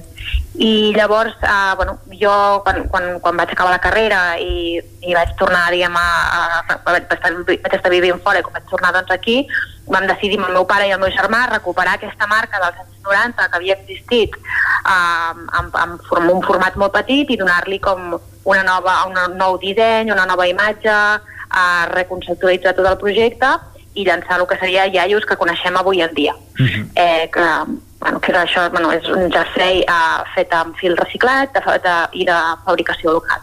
Clar, això ho comenceu quan, quan tu, tu ens comentaves que, que tornes a, a Granollers, és, és quan li doneu aquest uh -huh. enfoc de- d'utilitzar producte reciclat. Sí, uh, exacte. bueno, a veure, el, el projecte, el, el fil reciclat, nosaltres, jo sempre m'agrada dir-ho, que uh, no és una novetat, és a dir, el, el, el fil reciclat ja es feien, ja el feien servir els nostres avis, el que passa és que s'ha deixat de fer servir, però um, abans no es tirava res. Llavors, el regenerat de llana, que és aquest material que fem servir nosaltres, eh, és 100% reciclat i molt sostenible perquè a més a més no fa servir tint, és a dir que tot el producte, a, a tot el fil es fa, es fa a partir dels retalls que sobren. Llavors com aquests retalls ja porten color no s'ha de, no de fer una, un, un procés de tintat mm, simplement s'aprofita el color que ja porta el retall Llavors, això és un producte molt sostenible i que s'ha fet tota la vida. El que passa és que um, bueno, nosaltres eh, potser no es valorava per la, per la bastant sostenible i, i en canvi nosaltres ara li hem, li hem, li hem donat com aquest valor, no? com, com hem, hem, hem, hem volgut mm, donar-li protagonisme a aquest, a, a aquest material que és molt sostenible i a més a més uh, dona molt bon resultat. Com, com l'aconseguiu, aquest fil reciclat, vosaltres? Uh, quin, quin és el procés per, per fer-lo? Sí, uh, és a dir, el, a les fàbriques textils, de tot, bueno, de totes les fàbriques o filatures textils, tot el sobrant de, de les borres, de els retalls que surten quan es talla un patró, per exemple, tots aquests petits trossos de, de teixit, uh, en comptes de tirar-se, es recullen a diferents fàbriques del país i es porten a, a Olot. Uh -huh. En allà Olot es, es, ja es fa una selecció per colors i per, i per matèries. Nosaltres la que reciclem és la d'acrílica llana, eh, i, i després es fa, la selecció es fan com bales de, per, per diferents to- tonalitats de color. Llavors, per exemple, podríem dir que si barregem una miqueta de tonalitat negra amb tonalitat blanca, al triturar-ho ens sortiria un gris. Llavors és com treballar amb una paleta de pintor. Així s'aconsegueix el color del fil, que ja us dic ara que no són sempre iguals, és a dir, d'un any a l'altre canvia una miqueta el color dels jerseis perquè no és impossible, que no és una ciència exacta, però bueno, quan, quan es té diguem, el, el fil és un procés de filatura normal, simplement es tritura, es fa la borra i es posa dintre de la, de la, de la filatura per acabar tenint doncs, el fil, la, la torsió del fil eh, adequada. I, i això, és el, el, el, la idea és que eh, és exactament el mateix procés que una filatura normal, el que passa és que no es fa servir producte ni, ni llana verge ni producte fabricat especialment per això, sinó que tot és recuperat, 100%. Uh -huh. Comentaves que, que ho porteu a Olot, sou vosaltres mateixos que feu tot aquest procés. No, no, nosaltres portem la, la, la, la marca en si, Mhm. però la, la filatura d'Olot és una filatura que és marca de gestionar residus, Mhm. nosaltres a ells els comprem el fil, el portem a, a, el comprem, el portem a, a Igualada, fan el teixit i la confecció, i nosaltres portem doncs, doncs, tota la gestió del producte des de l'inici fins al final i també doncs, la distribució de, a la botiga i, i també de la venda online.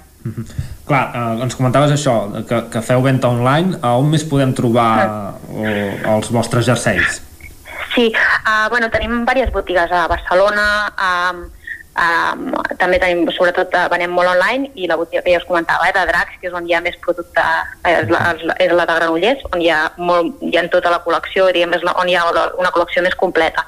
Però bueno, a Barcelona, a, a Girona hem obert un punt de venda, um, a Vic, Um, bueno, a la nostra web hi ha un apartat que, que, que es diu botigues on, on hi ha una llista de botigues on es poden comprar diaris. Um, em preguntava com, com han vist aquest canvi a les generacions anteriors de, de la família. Uh, bueno, ja ens comentaves que el vostre pare també hi està implicat. Uh, els ha Sí. sobtat com, com ho han pres?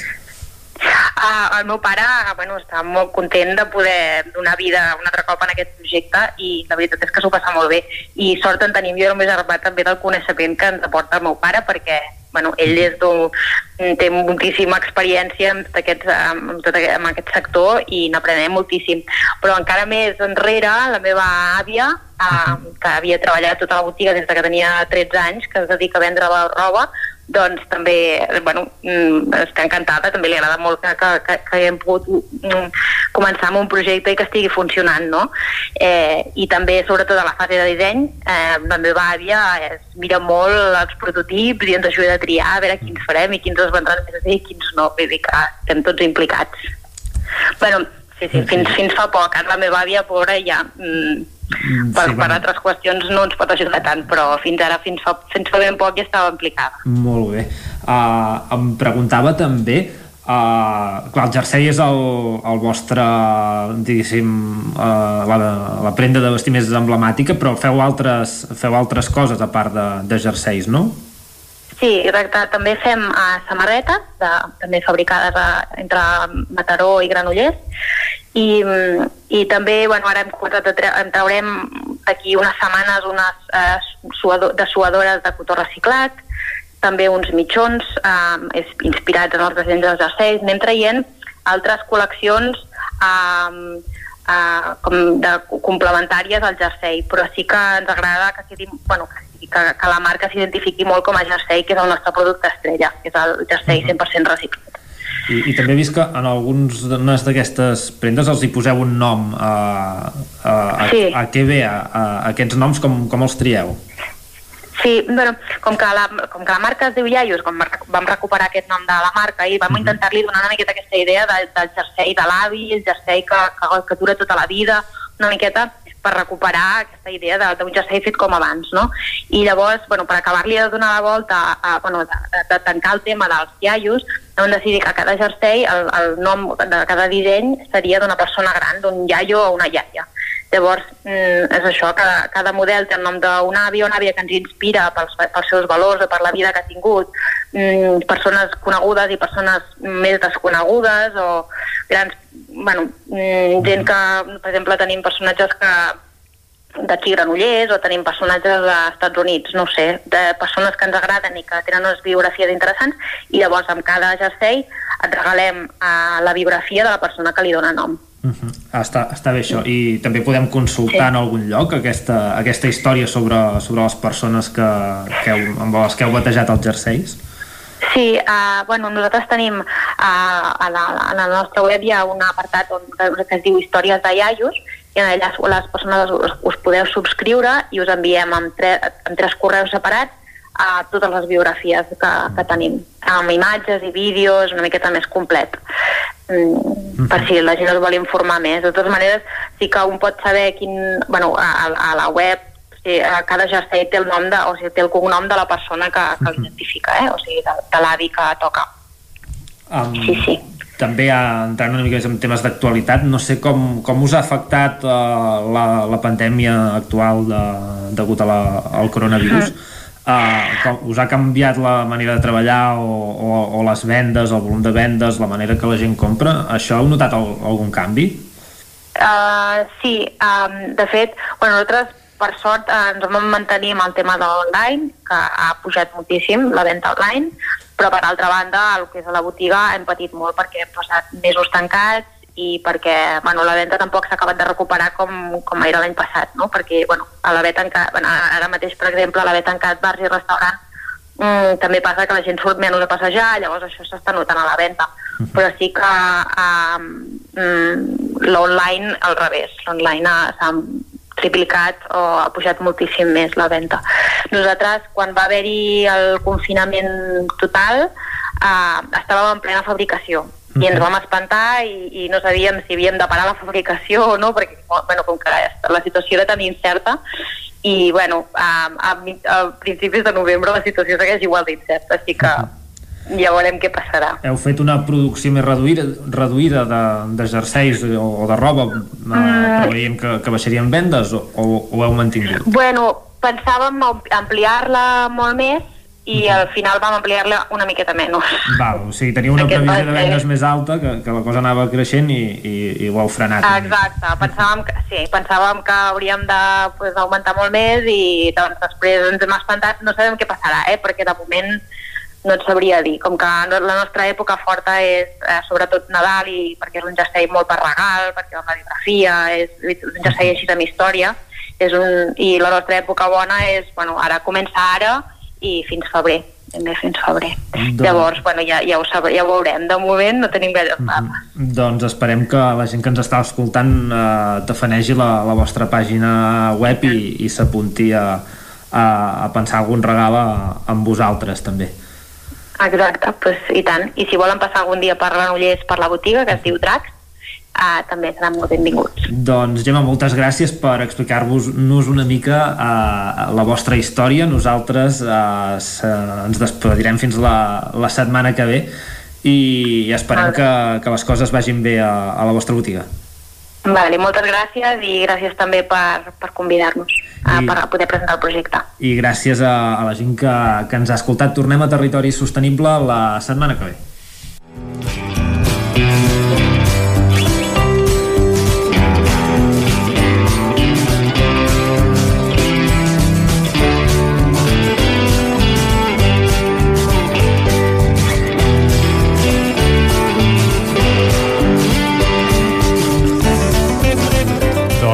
Gràcies a Jordi Givert, que des d'Ona Codinenca ens ha portat al territori sostenible, eh, de nou aquí a Territori 17, avui parlant d'una iniciativa amb seu al Vallès, però amb ramificacions pràcticament a tot el territori, vinculada a I això, també al territori tèxtil. 17, eh? Evidentment, eh, vinculat al territori 17, com no pot ser de cap altra manera. Podem Nosaltres... anar a comprar roba a Granollers i Correcte. Va, i ara el que ens toca és fer una pausa, tornem de seguida, dos quarts, fins ara mateix. Territori 17 el 9 FM, la ràdio de casa, al 92.8. La Fogonera, resistència gastronòmica. És un restaurant? És un rostidor? És La Fogonera, la cuina en directe des de GURB, on encarregues, ho vens a buscar i ara també t'ho portem a casa. La Fogonera, resistència gastronòmica. Ara, amb la fogonera de dia, amb aperitius, arrossos, segons plats i postres. I quan cau la nit, ens transformem en un popurri culinari. Burgers, pizza, pasta... Truca al 93 851 55 75 o entra a lafogonera.cat. La Fogonera, el teu aliat gastronòmic. Vols trencar amb l'oligopoli de l'IBEX 35? Apunta't al consum estratègic i comença a consumir serveis catalans. Per això et convidem a omplir el dipòsit a Petrolis Independents. A Osona ens trobaràs al polígon Mas Galí de Vic i a Centelles just després de la sortida sud. Si vols factura, entra a la nostra pàgina web petrolisindependents.cat i dona't d'alta. Comença a ser independent. Tenim la força de l'amor. Cobertes serveis funeraris. Els nostres tanatoris estan ubicats en els nuclis urbans més poblats de la comarca d'Osona per oferir un millor servei. Tanatori de Vic, Tanatori de Manlleu, Tanatori de Centelles i Tanatori de Roda de Ter. Sabem que són moments difícils i per això el nostre compromís és atendre-us en tot moment amb un tracte humà, sensible i respectuós. Cobertes serveis funeraris. Telèfon 24 hores 93 883 23 46. Cocodril Club. Si t'agrada la bona música dels anys 60, 70 i 80, escolta el 9 FM als matins de dissabtes i diumenges d'11 a 1. És el temps del Cocodril Club, tot un clàssic de la ràdio, amb les bases del pop-rock, les llegendes, les cançons que s'han convertit en autèntics himnes. Recorda, dissabtes i diumenges al matí, d'11 a 1, al 9 FM 92.8. Cocodril Club, el programa revival de l'Albert Malla. Hasta luego. Anuncia't al 9FM. La màquina de casa. 9 3 8 8 9 4 9 4 9. Publicitat arroba al 9FM.cat. Anuncia't al 9FM. La publicitat més eficaç. No em trec la imatge dels nens amb cara de velocitat baixant per la pista vermella. Sí, molt divertit. I quin fred. Uh. Tranquil·la, he deixat l'estufa encesa i, i la casa està calenta. Sempre tenim sort de comptar amb Corretja. Són especialistes en aïllaments i estufes. Acabar la jornada d'esquí amb la família al voltant de l'estufa i amb aïllaments de primera és 100% corretja. Corretja. Tot i més a corretja-sl.com. El 9 FM, el 9 FM, el 9 FM, el 9 FM, el 9 FM.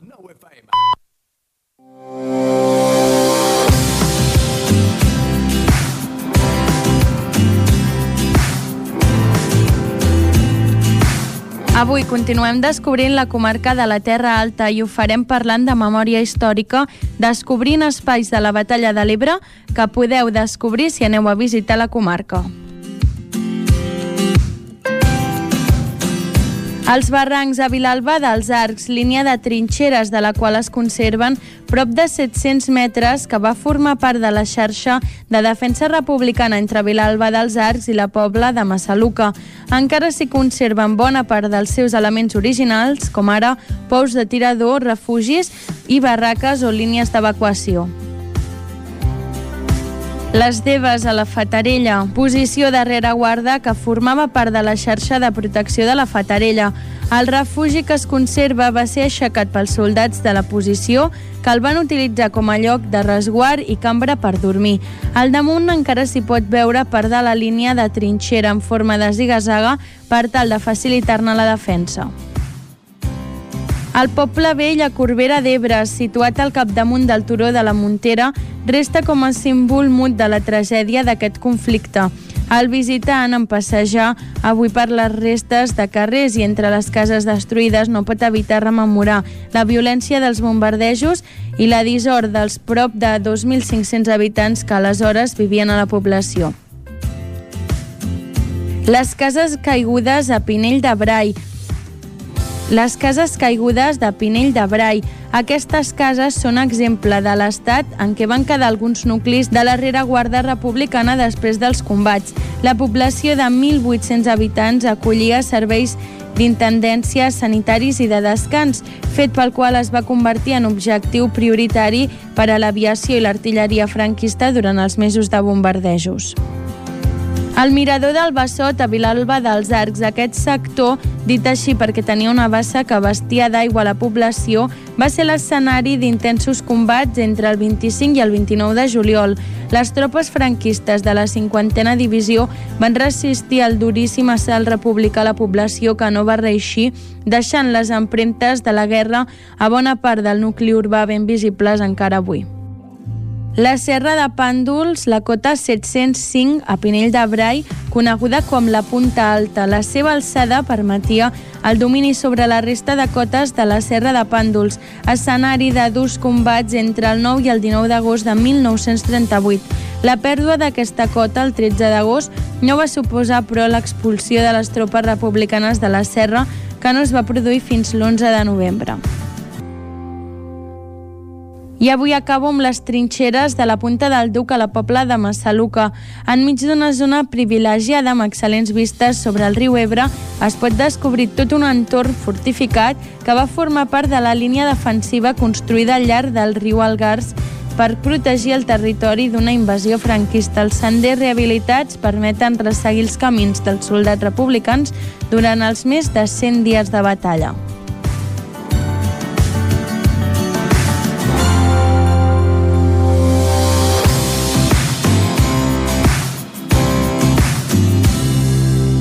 Territori 17. Doncs ja sabem què hem de fer si volem anar a fer un cop d'ull a indrets on va ocórrer la batalla de l'Ebre. Uh -huh. uh, per exemple, doncs anar a tots aquests indrets que ens ha aconsellat la Núria Lázaro. Això sí, de dilluns a dijous. Uh, també és cert, sí, al cap de setmana, a no sé quan sigui el municipi veí, puguem anar-hi a peu, cosa difícil des de Territori 17, doncs de moment ens n'haurem d'abstenir.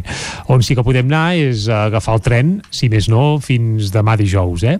Uh, ens hi enfilem? Exacte, sí? som-hi. Doncs som-hi, cap a l'R3.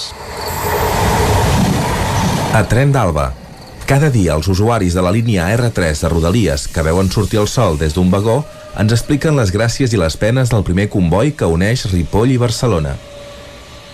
Benvinguts a Tren d'Alba. Avui us continuaré desenvolupant la moció conjunta del ple de Vic sobre el desdoblament i la millora de la línia R3. Doncs mireu, és obvi que el fet que hi hagi una via única, això dificulta la programació d'horaris cadenciats, molt més atractius per als usuaris i per la coordinació amb les línies d'autobús de portació abans mencionada. A més, també es fa difícil la programació de més serveis semidirectes per millorar el temps del recorregut. Aquesta situació que ha estat denunciada en repetides ocasions és un fre al desenvolupament econòmic i al benestar i la qualitat de vida de la ciutadania. La R3 no tan sols actua com a node de connexió amb Barcelona, sinó que és també un element cohesionador de les comarques centrals. El desdoblament d'aquesta línia és una necessitat per millorar el servei de la ciutadania, però també per reforçar el teixit industrial, fer-lo més competitiu i obrir la porta a una major internacionalització. A veure si tenim el desdoblament ben aviat entre nosaltres. De moment, aquí tenim és a la Núria perquè ens expliqui el trajecte fins a Barcelona d'avui. Bon dia des de l'R3. Avui el dia s'ha alçat amb boira, no es podia veure el final de les muntanyes. Només s'entrellocava el sol amagat darrere els núvols. Ha sortit super puntual de Vic, però tot i així no hem pogut evitar els 13 minuts de retard de rigor. No fos cas que poguéssim dir que el tren funciona amb regularitat, o com cal. El riu que passa pel Figaró està ben sec, encara recordo ara fa un any quan baixava l'aigua que petava contra les parets i tenia el leiro ben inundat. Bueno, fins i tot les vies del tren les van tenir inundades durant uns quants dies, us en recordeu? A Sant Martí de Centelles han entrat tres nois amb xandals i edats semblants als nois enyorats dels nostres futbolistes. La diferència amb aquests és que els acompanyava una noia, cosa que amb els altres fins ara no ho he vist. Tot i tenir 11 graus, segons la pantalla del tren, hi havia llocs emblanquinats per la gebrada. Clar que no et pots refiar gaire de les pantalles. Un dia, segons ella, vaig agafar el tren per anar a Lleida, Sort que des de Vic hi ha poc marge d'equivocació, però qui sap si més d'una menys informada dels trens que circulen per l'R3 no el va agafar pensant que aquell no era el correcte.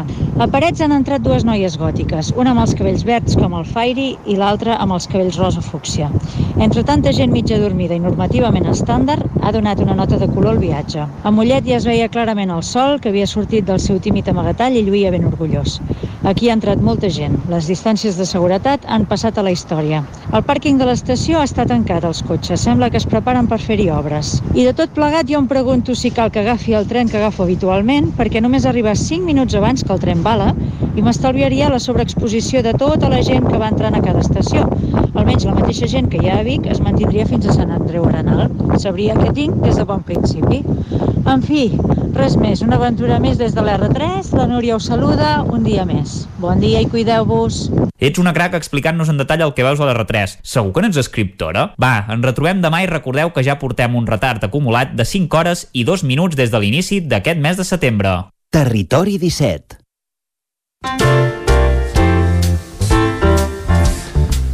La Núria, que escriptora no ho sé, però avui... sí. Sí, sí, eh, això és evident. I avui estava molt ventilada, eh? Es notava que feia aire, per tant, sí. eh, vaja, diguem que territori 17 avall segurament ja no hi ha boira, perquè si ja ho diuen que el vent escampa la boira, i en aquest cas segur que estava ben escampada. M'ha Uh, agradat això dels cabells verds com el Fairy, mm. perquè això és perillós per la Guàrdia Civil. uh, ves que no posi l'orella algú en aquesta seva crònica i acabi tenint represàlies. Però vaja, en tot cas, crec que el millor ara el tenim a Andalusia treballant, potser no ens escolta.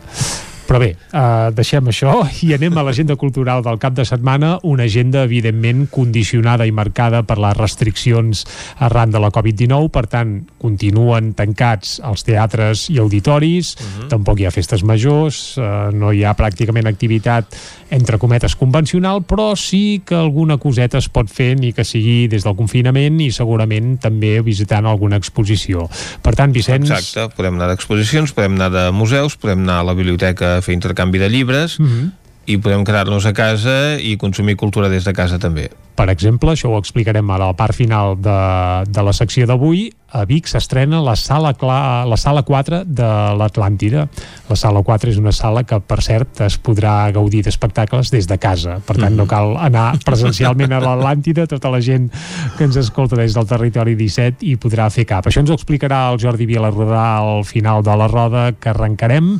Per on, Vicenç? Doncs eh, comencem des de Ràdio Cardedeu, on ens espera l'Òscar Muñoz. Bon dia, Òscar. Bon dia. Doncs explica'ns quines propostes podem fer eh, enmig d'aquesta situació doncs, de pandèmia que estem vivint i que quarta els nostres moviments i sobretot també els caps de setmana. I tant. Doncs sí, tenim una agenda cultural molt online, Mhm. -huh. diguem-ne. Per exemple, avui a les 6 del vespre, o de la tarda, tenim la tertúlia literària Les formes del verb anar, del Jenny Erpenberg. És una activitat en línia organitzada per la Biblioteca Mar de Vialba de Cardedeu i dinamitzada per l'escriptor Raimon Portell. Uh -huh. Per dissabte tenim tot el gruix d'activitats. A les 12 del migdia, en Petits als núvols és la programació en línia del festival El més petit de tots, que és un festival que inclou tres experiències artístiques en línia per veure i participar en família amb els més petits de la casa. Les tres experiències que proposen són el Cook, de la companyia Animal Religion, l'Horitzó, de l'Atung, la La La, de la David Yermendon, i Expandint la jungla, de la companyia Big Bouncers.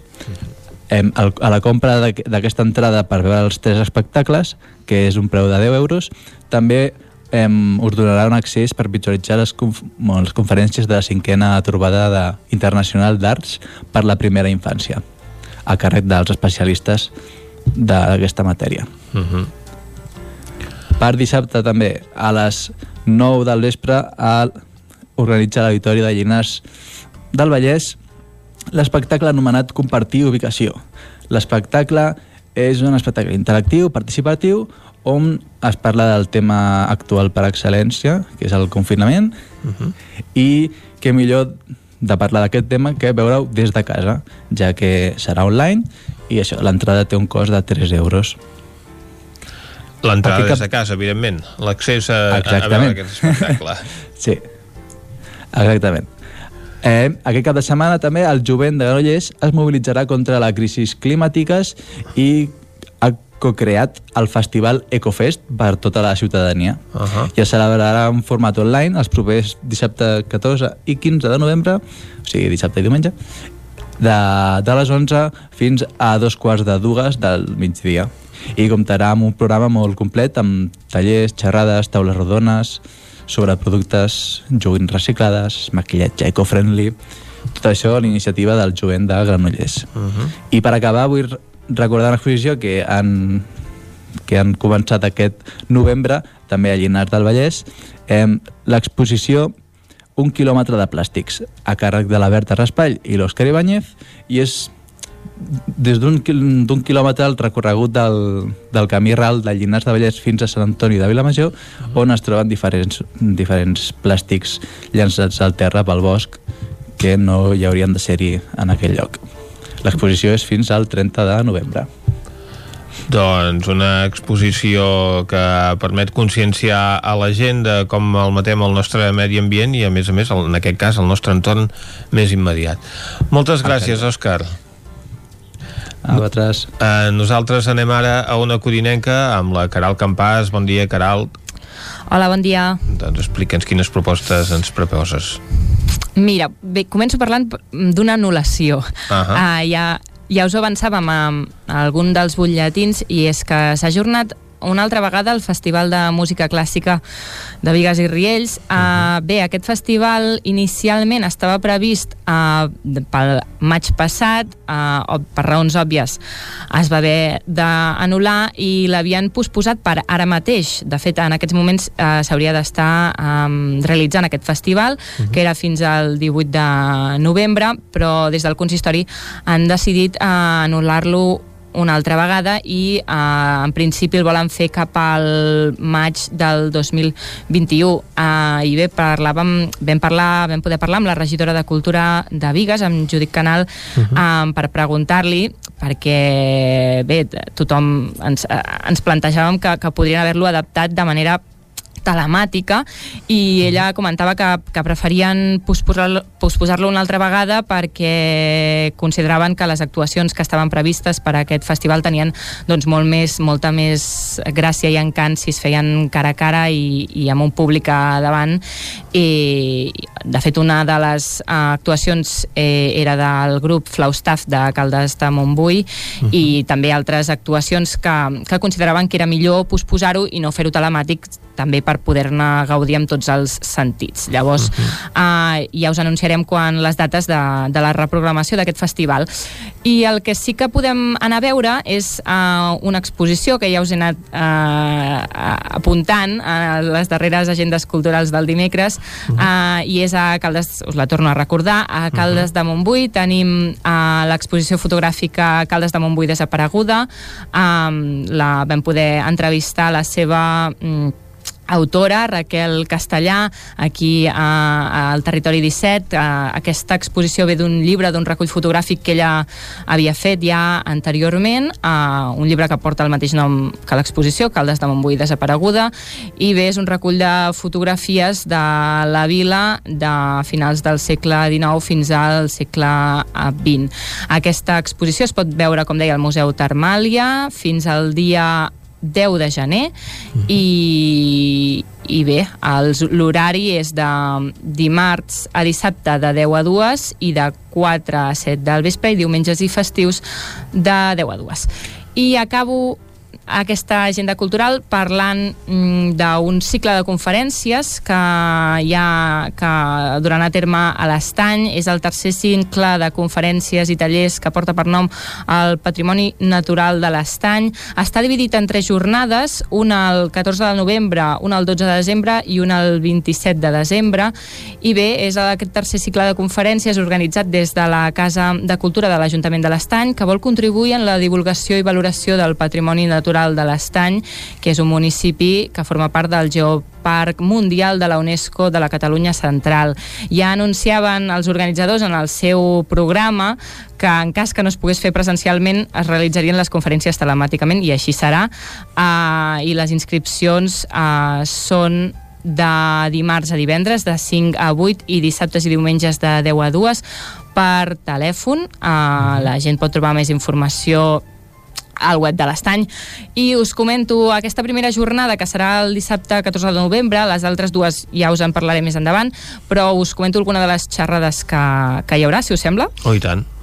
Mira, aquest dissabte 14, que com us deia és aquesta primera jornada, eh, hi ha una conferència a càrrec de Ferran Climent, geòleg i director científic del Geoparc, que porta per nom el Geoparc Mundial UNESCO de la Catalunya Central, el Patrimoni de l'Estany, a dos quarts de sis, i una hora més tard, a dos quarts de set, hi ha la conferència que porta per nom Flora i Fauna del Moianès i de l'Estany, quina flora i fauna podríem esperar si l'Estany recuperés la zona humida, impartida dirigida per Montse Clapés, biòloga i directora de projectes Gaia Serveis Ambientals. Mm.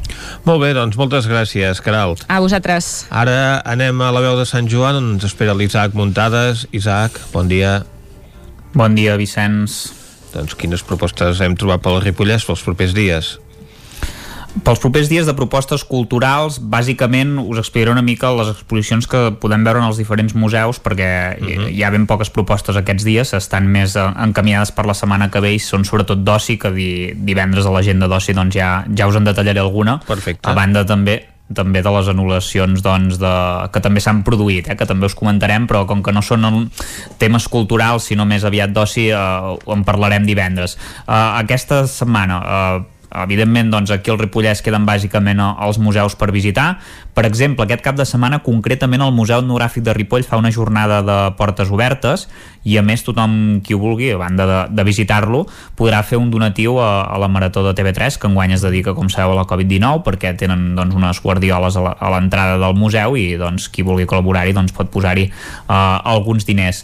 Per, per visitar-lo, dir que l'horari és de 10 del matí a dos quarts de dues i de 4 a 6 de la tarda, de dimarts a, a dissabte, uh, dilluns tancat i diumenge només uh, es visita al, al matí Després, eh, les altres sales que us parlaré, a Sant Joan de les Abadeses també hi ha eh, exposicions que ja hem comentat, al Palau de l'Abadia, eh, les hem comentat en altres ocasions, però les repassarem perquè sapigueu que encara es poden visitar i com que tampoc tenim massa cosa aquí al Ripollès, doncs evidentment s'ha d'intentar salvar tot el que es pugui de cultura. Eh? Eh, es tracta de l'exposició Lògic de la Pintura de Gerard Sala, que hi serà fins al 22 de novembre.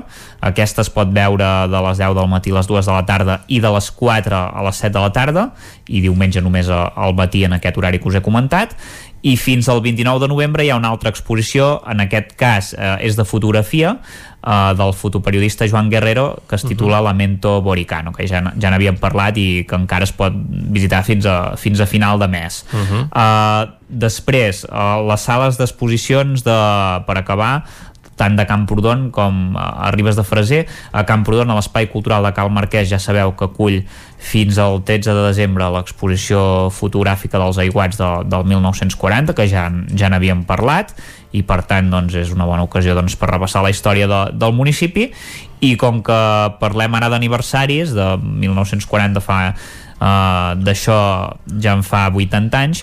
Uh, uh, també en fa 100 de, de l'exposició que es pot veure a Ribes de Freser que acull doncs, la història de, dels, 40, dels 100 anys d'història de, dels ferrocarrils que, uh -huh. de, del tren que també va arribar doncs, a, Ribes de Freser. Per tant, uh, dues exposicions uh, força diferents però que doncs, serveixen per repassar la història de la comarca, una a cada vall. Uh, per tant teniu per triar aquest cap de setmana. Bé, aquest cap de setmana si sou del poble Clar, que correspon a les posicions, evidentment. Si no, no, no les podreu visitar, però bé, si més no, els pobles colindants, si pot, com va dir Jordi, que ens va explicar, si pot anar a peu, tot caminant, com si això fessis sí. esport, i, i en principi això sí que es pot fer. Molt bé, doncs gràcies, Isaac. Ara nosaltres eh, anem cap a Osona amb en Jordi Vilarrodà que ens explicarà què és això de la sala 4 de l'Atlàntida, que no és, no és una sala física sinó virtual. Una sala virtual, sí, sí. La setmana passada dèiem que les programacions d'arts escèniques estaven aturades, no sabem encara fins quan. Eh, després afegirem alguna proposta a les exposicions que comentàvem justament la setmana passada, però ara tenim eh, per substituir doncs, aquests concerts i obres de teatre i espectacles de dansa que no podem veure in situ, una sala virtual de l'Atlàntida. Sala 4, per què? Perquè l'Atlàntida té tres sales de uh mhm. -huh. diferents dimensions, no? I aquesta és la sala que fa el número 4. eh, per això, doncs, el nom del projecte. En què consisteix això? És una, una plataforma que és accessible des de la mateixa web de l'Atlàntida, per poder veure espectacles eh, que, que s'aniran doncs, penjant en, aquesta, en aquest lloc. Eh, a veure, eh, diem que són espectacles que no tots són allò de una cosa que ja tenim, un recurs, agafem, pum, el pengem allà, eh, eh, o sigui, pengem un vídeo de no sé què. Una cosa que ja hem fet. Ja n'hi ha d'aquests, ja n'hi ha, hi ha, per hi exemple, una, doncs... Una carta, eh? Una espècie de, de Atlàntida de la carta, eh? Que sí, sí, sí, sí. Ja, això ja ja n'hi haurà alguns d'aquests, per exemple, uh -huh. concert que va fer el, el baríton manlleuenc Ferran Albric o l'espectacle dels 10 anys de l'Atlàntida, de, de dansa vertical, estan dintre la programació d'aquesta sala 4. Però llavors també hi ha coses que eh, són eh, concerts que, que es recuperen, o, o obres de teatre que es recuperen de la programació, per exemple, que aquests dies no s'han pogut fer i que ara doncs, es podran fer a través d'aquesta sala virtual, i alguns altres que són produccions específiques, concretes, eh, fetes expressament per la Sala 4. És a dir, volen que sigui també un espai de creació. Per exemple, aquesta setmana tenim dos exemples d'això ahir doncs es va penjar el primer eh, espectacle d'aquests que era eh, que es va fer dintre del marc de Clàssica Jove que era una, un petit clip de, de dans, ai, perdó de, de trapezi i de, i de música de piano que es deia música en suspensió per això una cosa molt breu, molt petita això era una cosa que ja existia i que es va penjar ahir però demà dijous, a partir de dos quarts de deu del vespre, es podrà veure un concert fet expressament per aquesta sala 4 d'en Guillem Roma, que aquest no mhm. estava en cap programació. I en Guillem va gravar abans d'ahir un concert a l'Atlàntida amb tots els recursos, excepte el públic, i aquest concert doncs, és el que demà hi haurà ocasió de veure dintre d'aquesta sala 4. Ara l'estem escoltant. I en aquest concert segur que hi sona, per exemple, el Connexions, una de les seves darreres peces més celebrades. N'escoltem un fragment, va, per fer boca. I això em fa pensar que tu i jo, estrelles i ocells, no som tan diferents del mateix lloc venim des de fa temps. I més que fer boca, el que farem és deixar-vos amb la mel als llavis, que és ah, com s'ha de dir correctament, ah, les coses com siguin, uh, i el Guillem, que sempre és un festival, eh?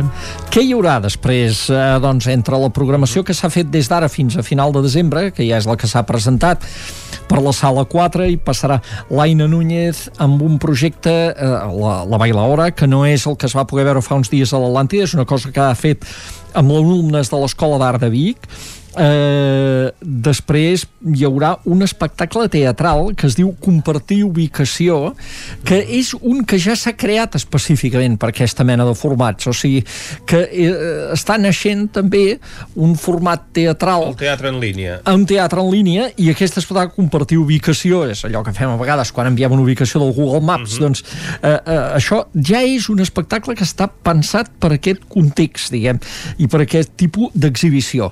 Hi haurà el Mackhausen, que havia de passar doncs, fa uns dies per l'Atlàntida, i hi haurà també quan s'acosti Nadal, eh, concretament el dia, la vigília de Nadal, els pastorets digitals, que també hi seran. No se sap encara, a Vic encara no estan oficialment suspesos. En principi la intenció és fer uns pastorets versió reduïda amb menys personatges, eh, reals, físics, però eh, es facin aquests o no es facin, ja hi haurà uns pastorets digitals eh, a, a la vigília de Nadal a, a dos quarts de deu de la nit. Que no seran els pastorets de l'any passat eh, Que no seran els de l'any passat, eh, no, no. Mhm. Aquí fins i tot, eh, no sé, potser sortirà, no sé, potser el dimoni serà eh, el coronavirus. Eh, ja estan adaptats a la, a la circumstància d'ara. Mm. Aquests, aquests seran uns pastorets diferents. Eh, bé, aquestes són algunes propostes de les que hi ha doncs, en aquesta, en aquesta sala 4 de l'Atlàntida. Cal dir que també hi ha alguns casos en què les propostes són gratuïtes i en altres serà de fer un són de pagament, 3 eurets, perquè no es tracta de que fem, eh, bueno, allò que, allò que va passar en els primers moments de la pandèmia, no? De, vinga, va, tots pengem continguts a les xarxes i gratis, Tothom perquè gratis. Clar, eh, això potser en aquell moment valia, o en aquell moment es va sortir el pas com es va poder, però també ara a vegades hem d'entendre doncs, que la, la cultura, encara que sigui vista per una pantalla, també té un, un cost. Bé que tota aquesta gent porta mesos sense cobrar. I a més a més, exactament, i a més a més que no és allò de jo ho faig allà al menjador de casa amb una webcam, no, no. Uh mhm. -huh. Això és fet a l'escenari de l'Atlàntida, amb uns mitjans, amb els tècnics de l'Atlàntida que hi treballen, que fan, per tant, un espectacle com si hi hagués públic, però sense haver-hi públic, en, en el sentit de realització, d'il·luminació, de, i, i, I això, doncs... necessites els càmeres clar. i els equips tècnics per poder-ho transmetre Exactament. a distància. Exactament. Llavors, això és una cosa que s'ha de... Que, que també hem d'entendre que té un valor. Es recomana fins i tot que, que, eh, que a més a més, havent-hi aquests recursos i fent-ho així que la gent s'hi pot sumir des d'una pantalla una mica gran, que no s'ho miri des del mòbil, que tot, tot també es pot mirar des del mòbil o des d'una tauleta, però amb una, amb una pantalla gran ho gaudirà més, no?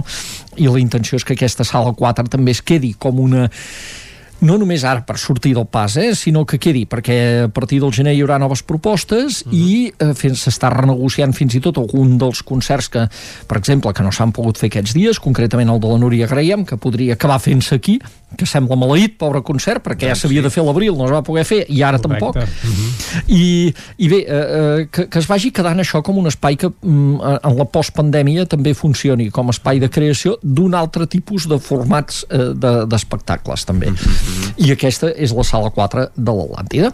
Molt bé, ens queda un minutet per repassar un minutet només proposta, per dir Jordi. que a la rastellera d'exposicions que vam dir que hi havia la setmana passada anem als museus i centres d'art perquè estan oberts, són segurs i és un lloc on podem gaudir de cultura i afegim a partir de demà al, al Centre d'Art Contemporani l'ACE Vic una exposició del cicle de ceramistes d'Osona que inauguren Pep Madrenes magnífica una exposició que es diu Llum d'aigua i fang. En Pep Madrena segurament és el ceramista de Catalunya que coneix més bé els materials i com els utilitza té ofici i utilitza aquest ofici per crear art. Eh, molt interessant l'exposició, l'acabem de veure fa poc, està muntada ja i s'inaugura a partir de demà.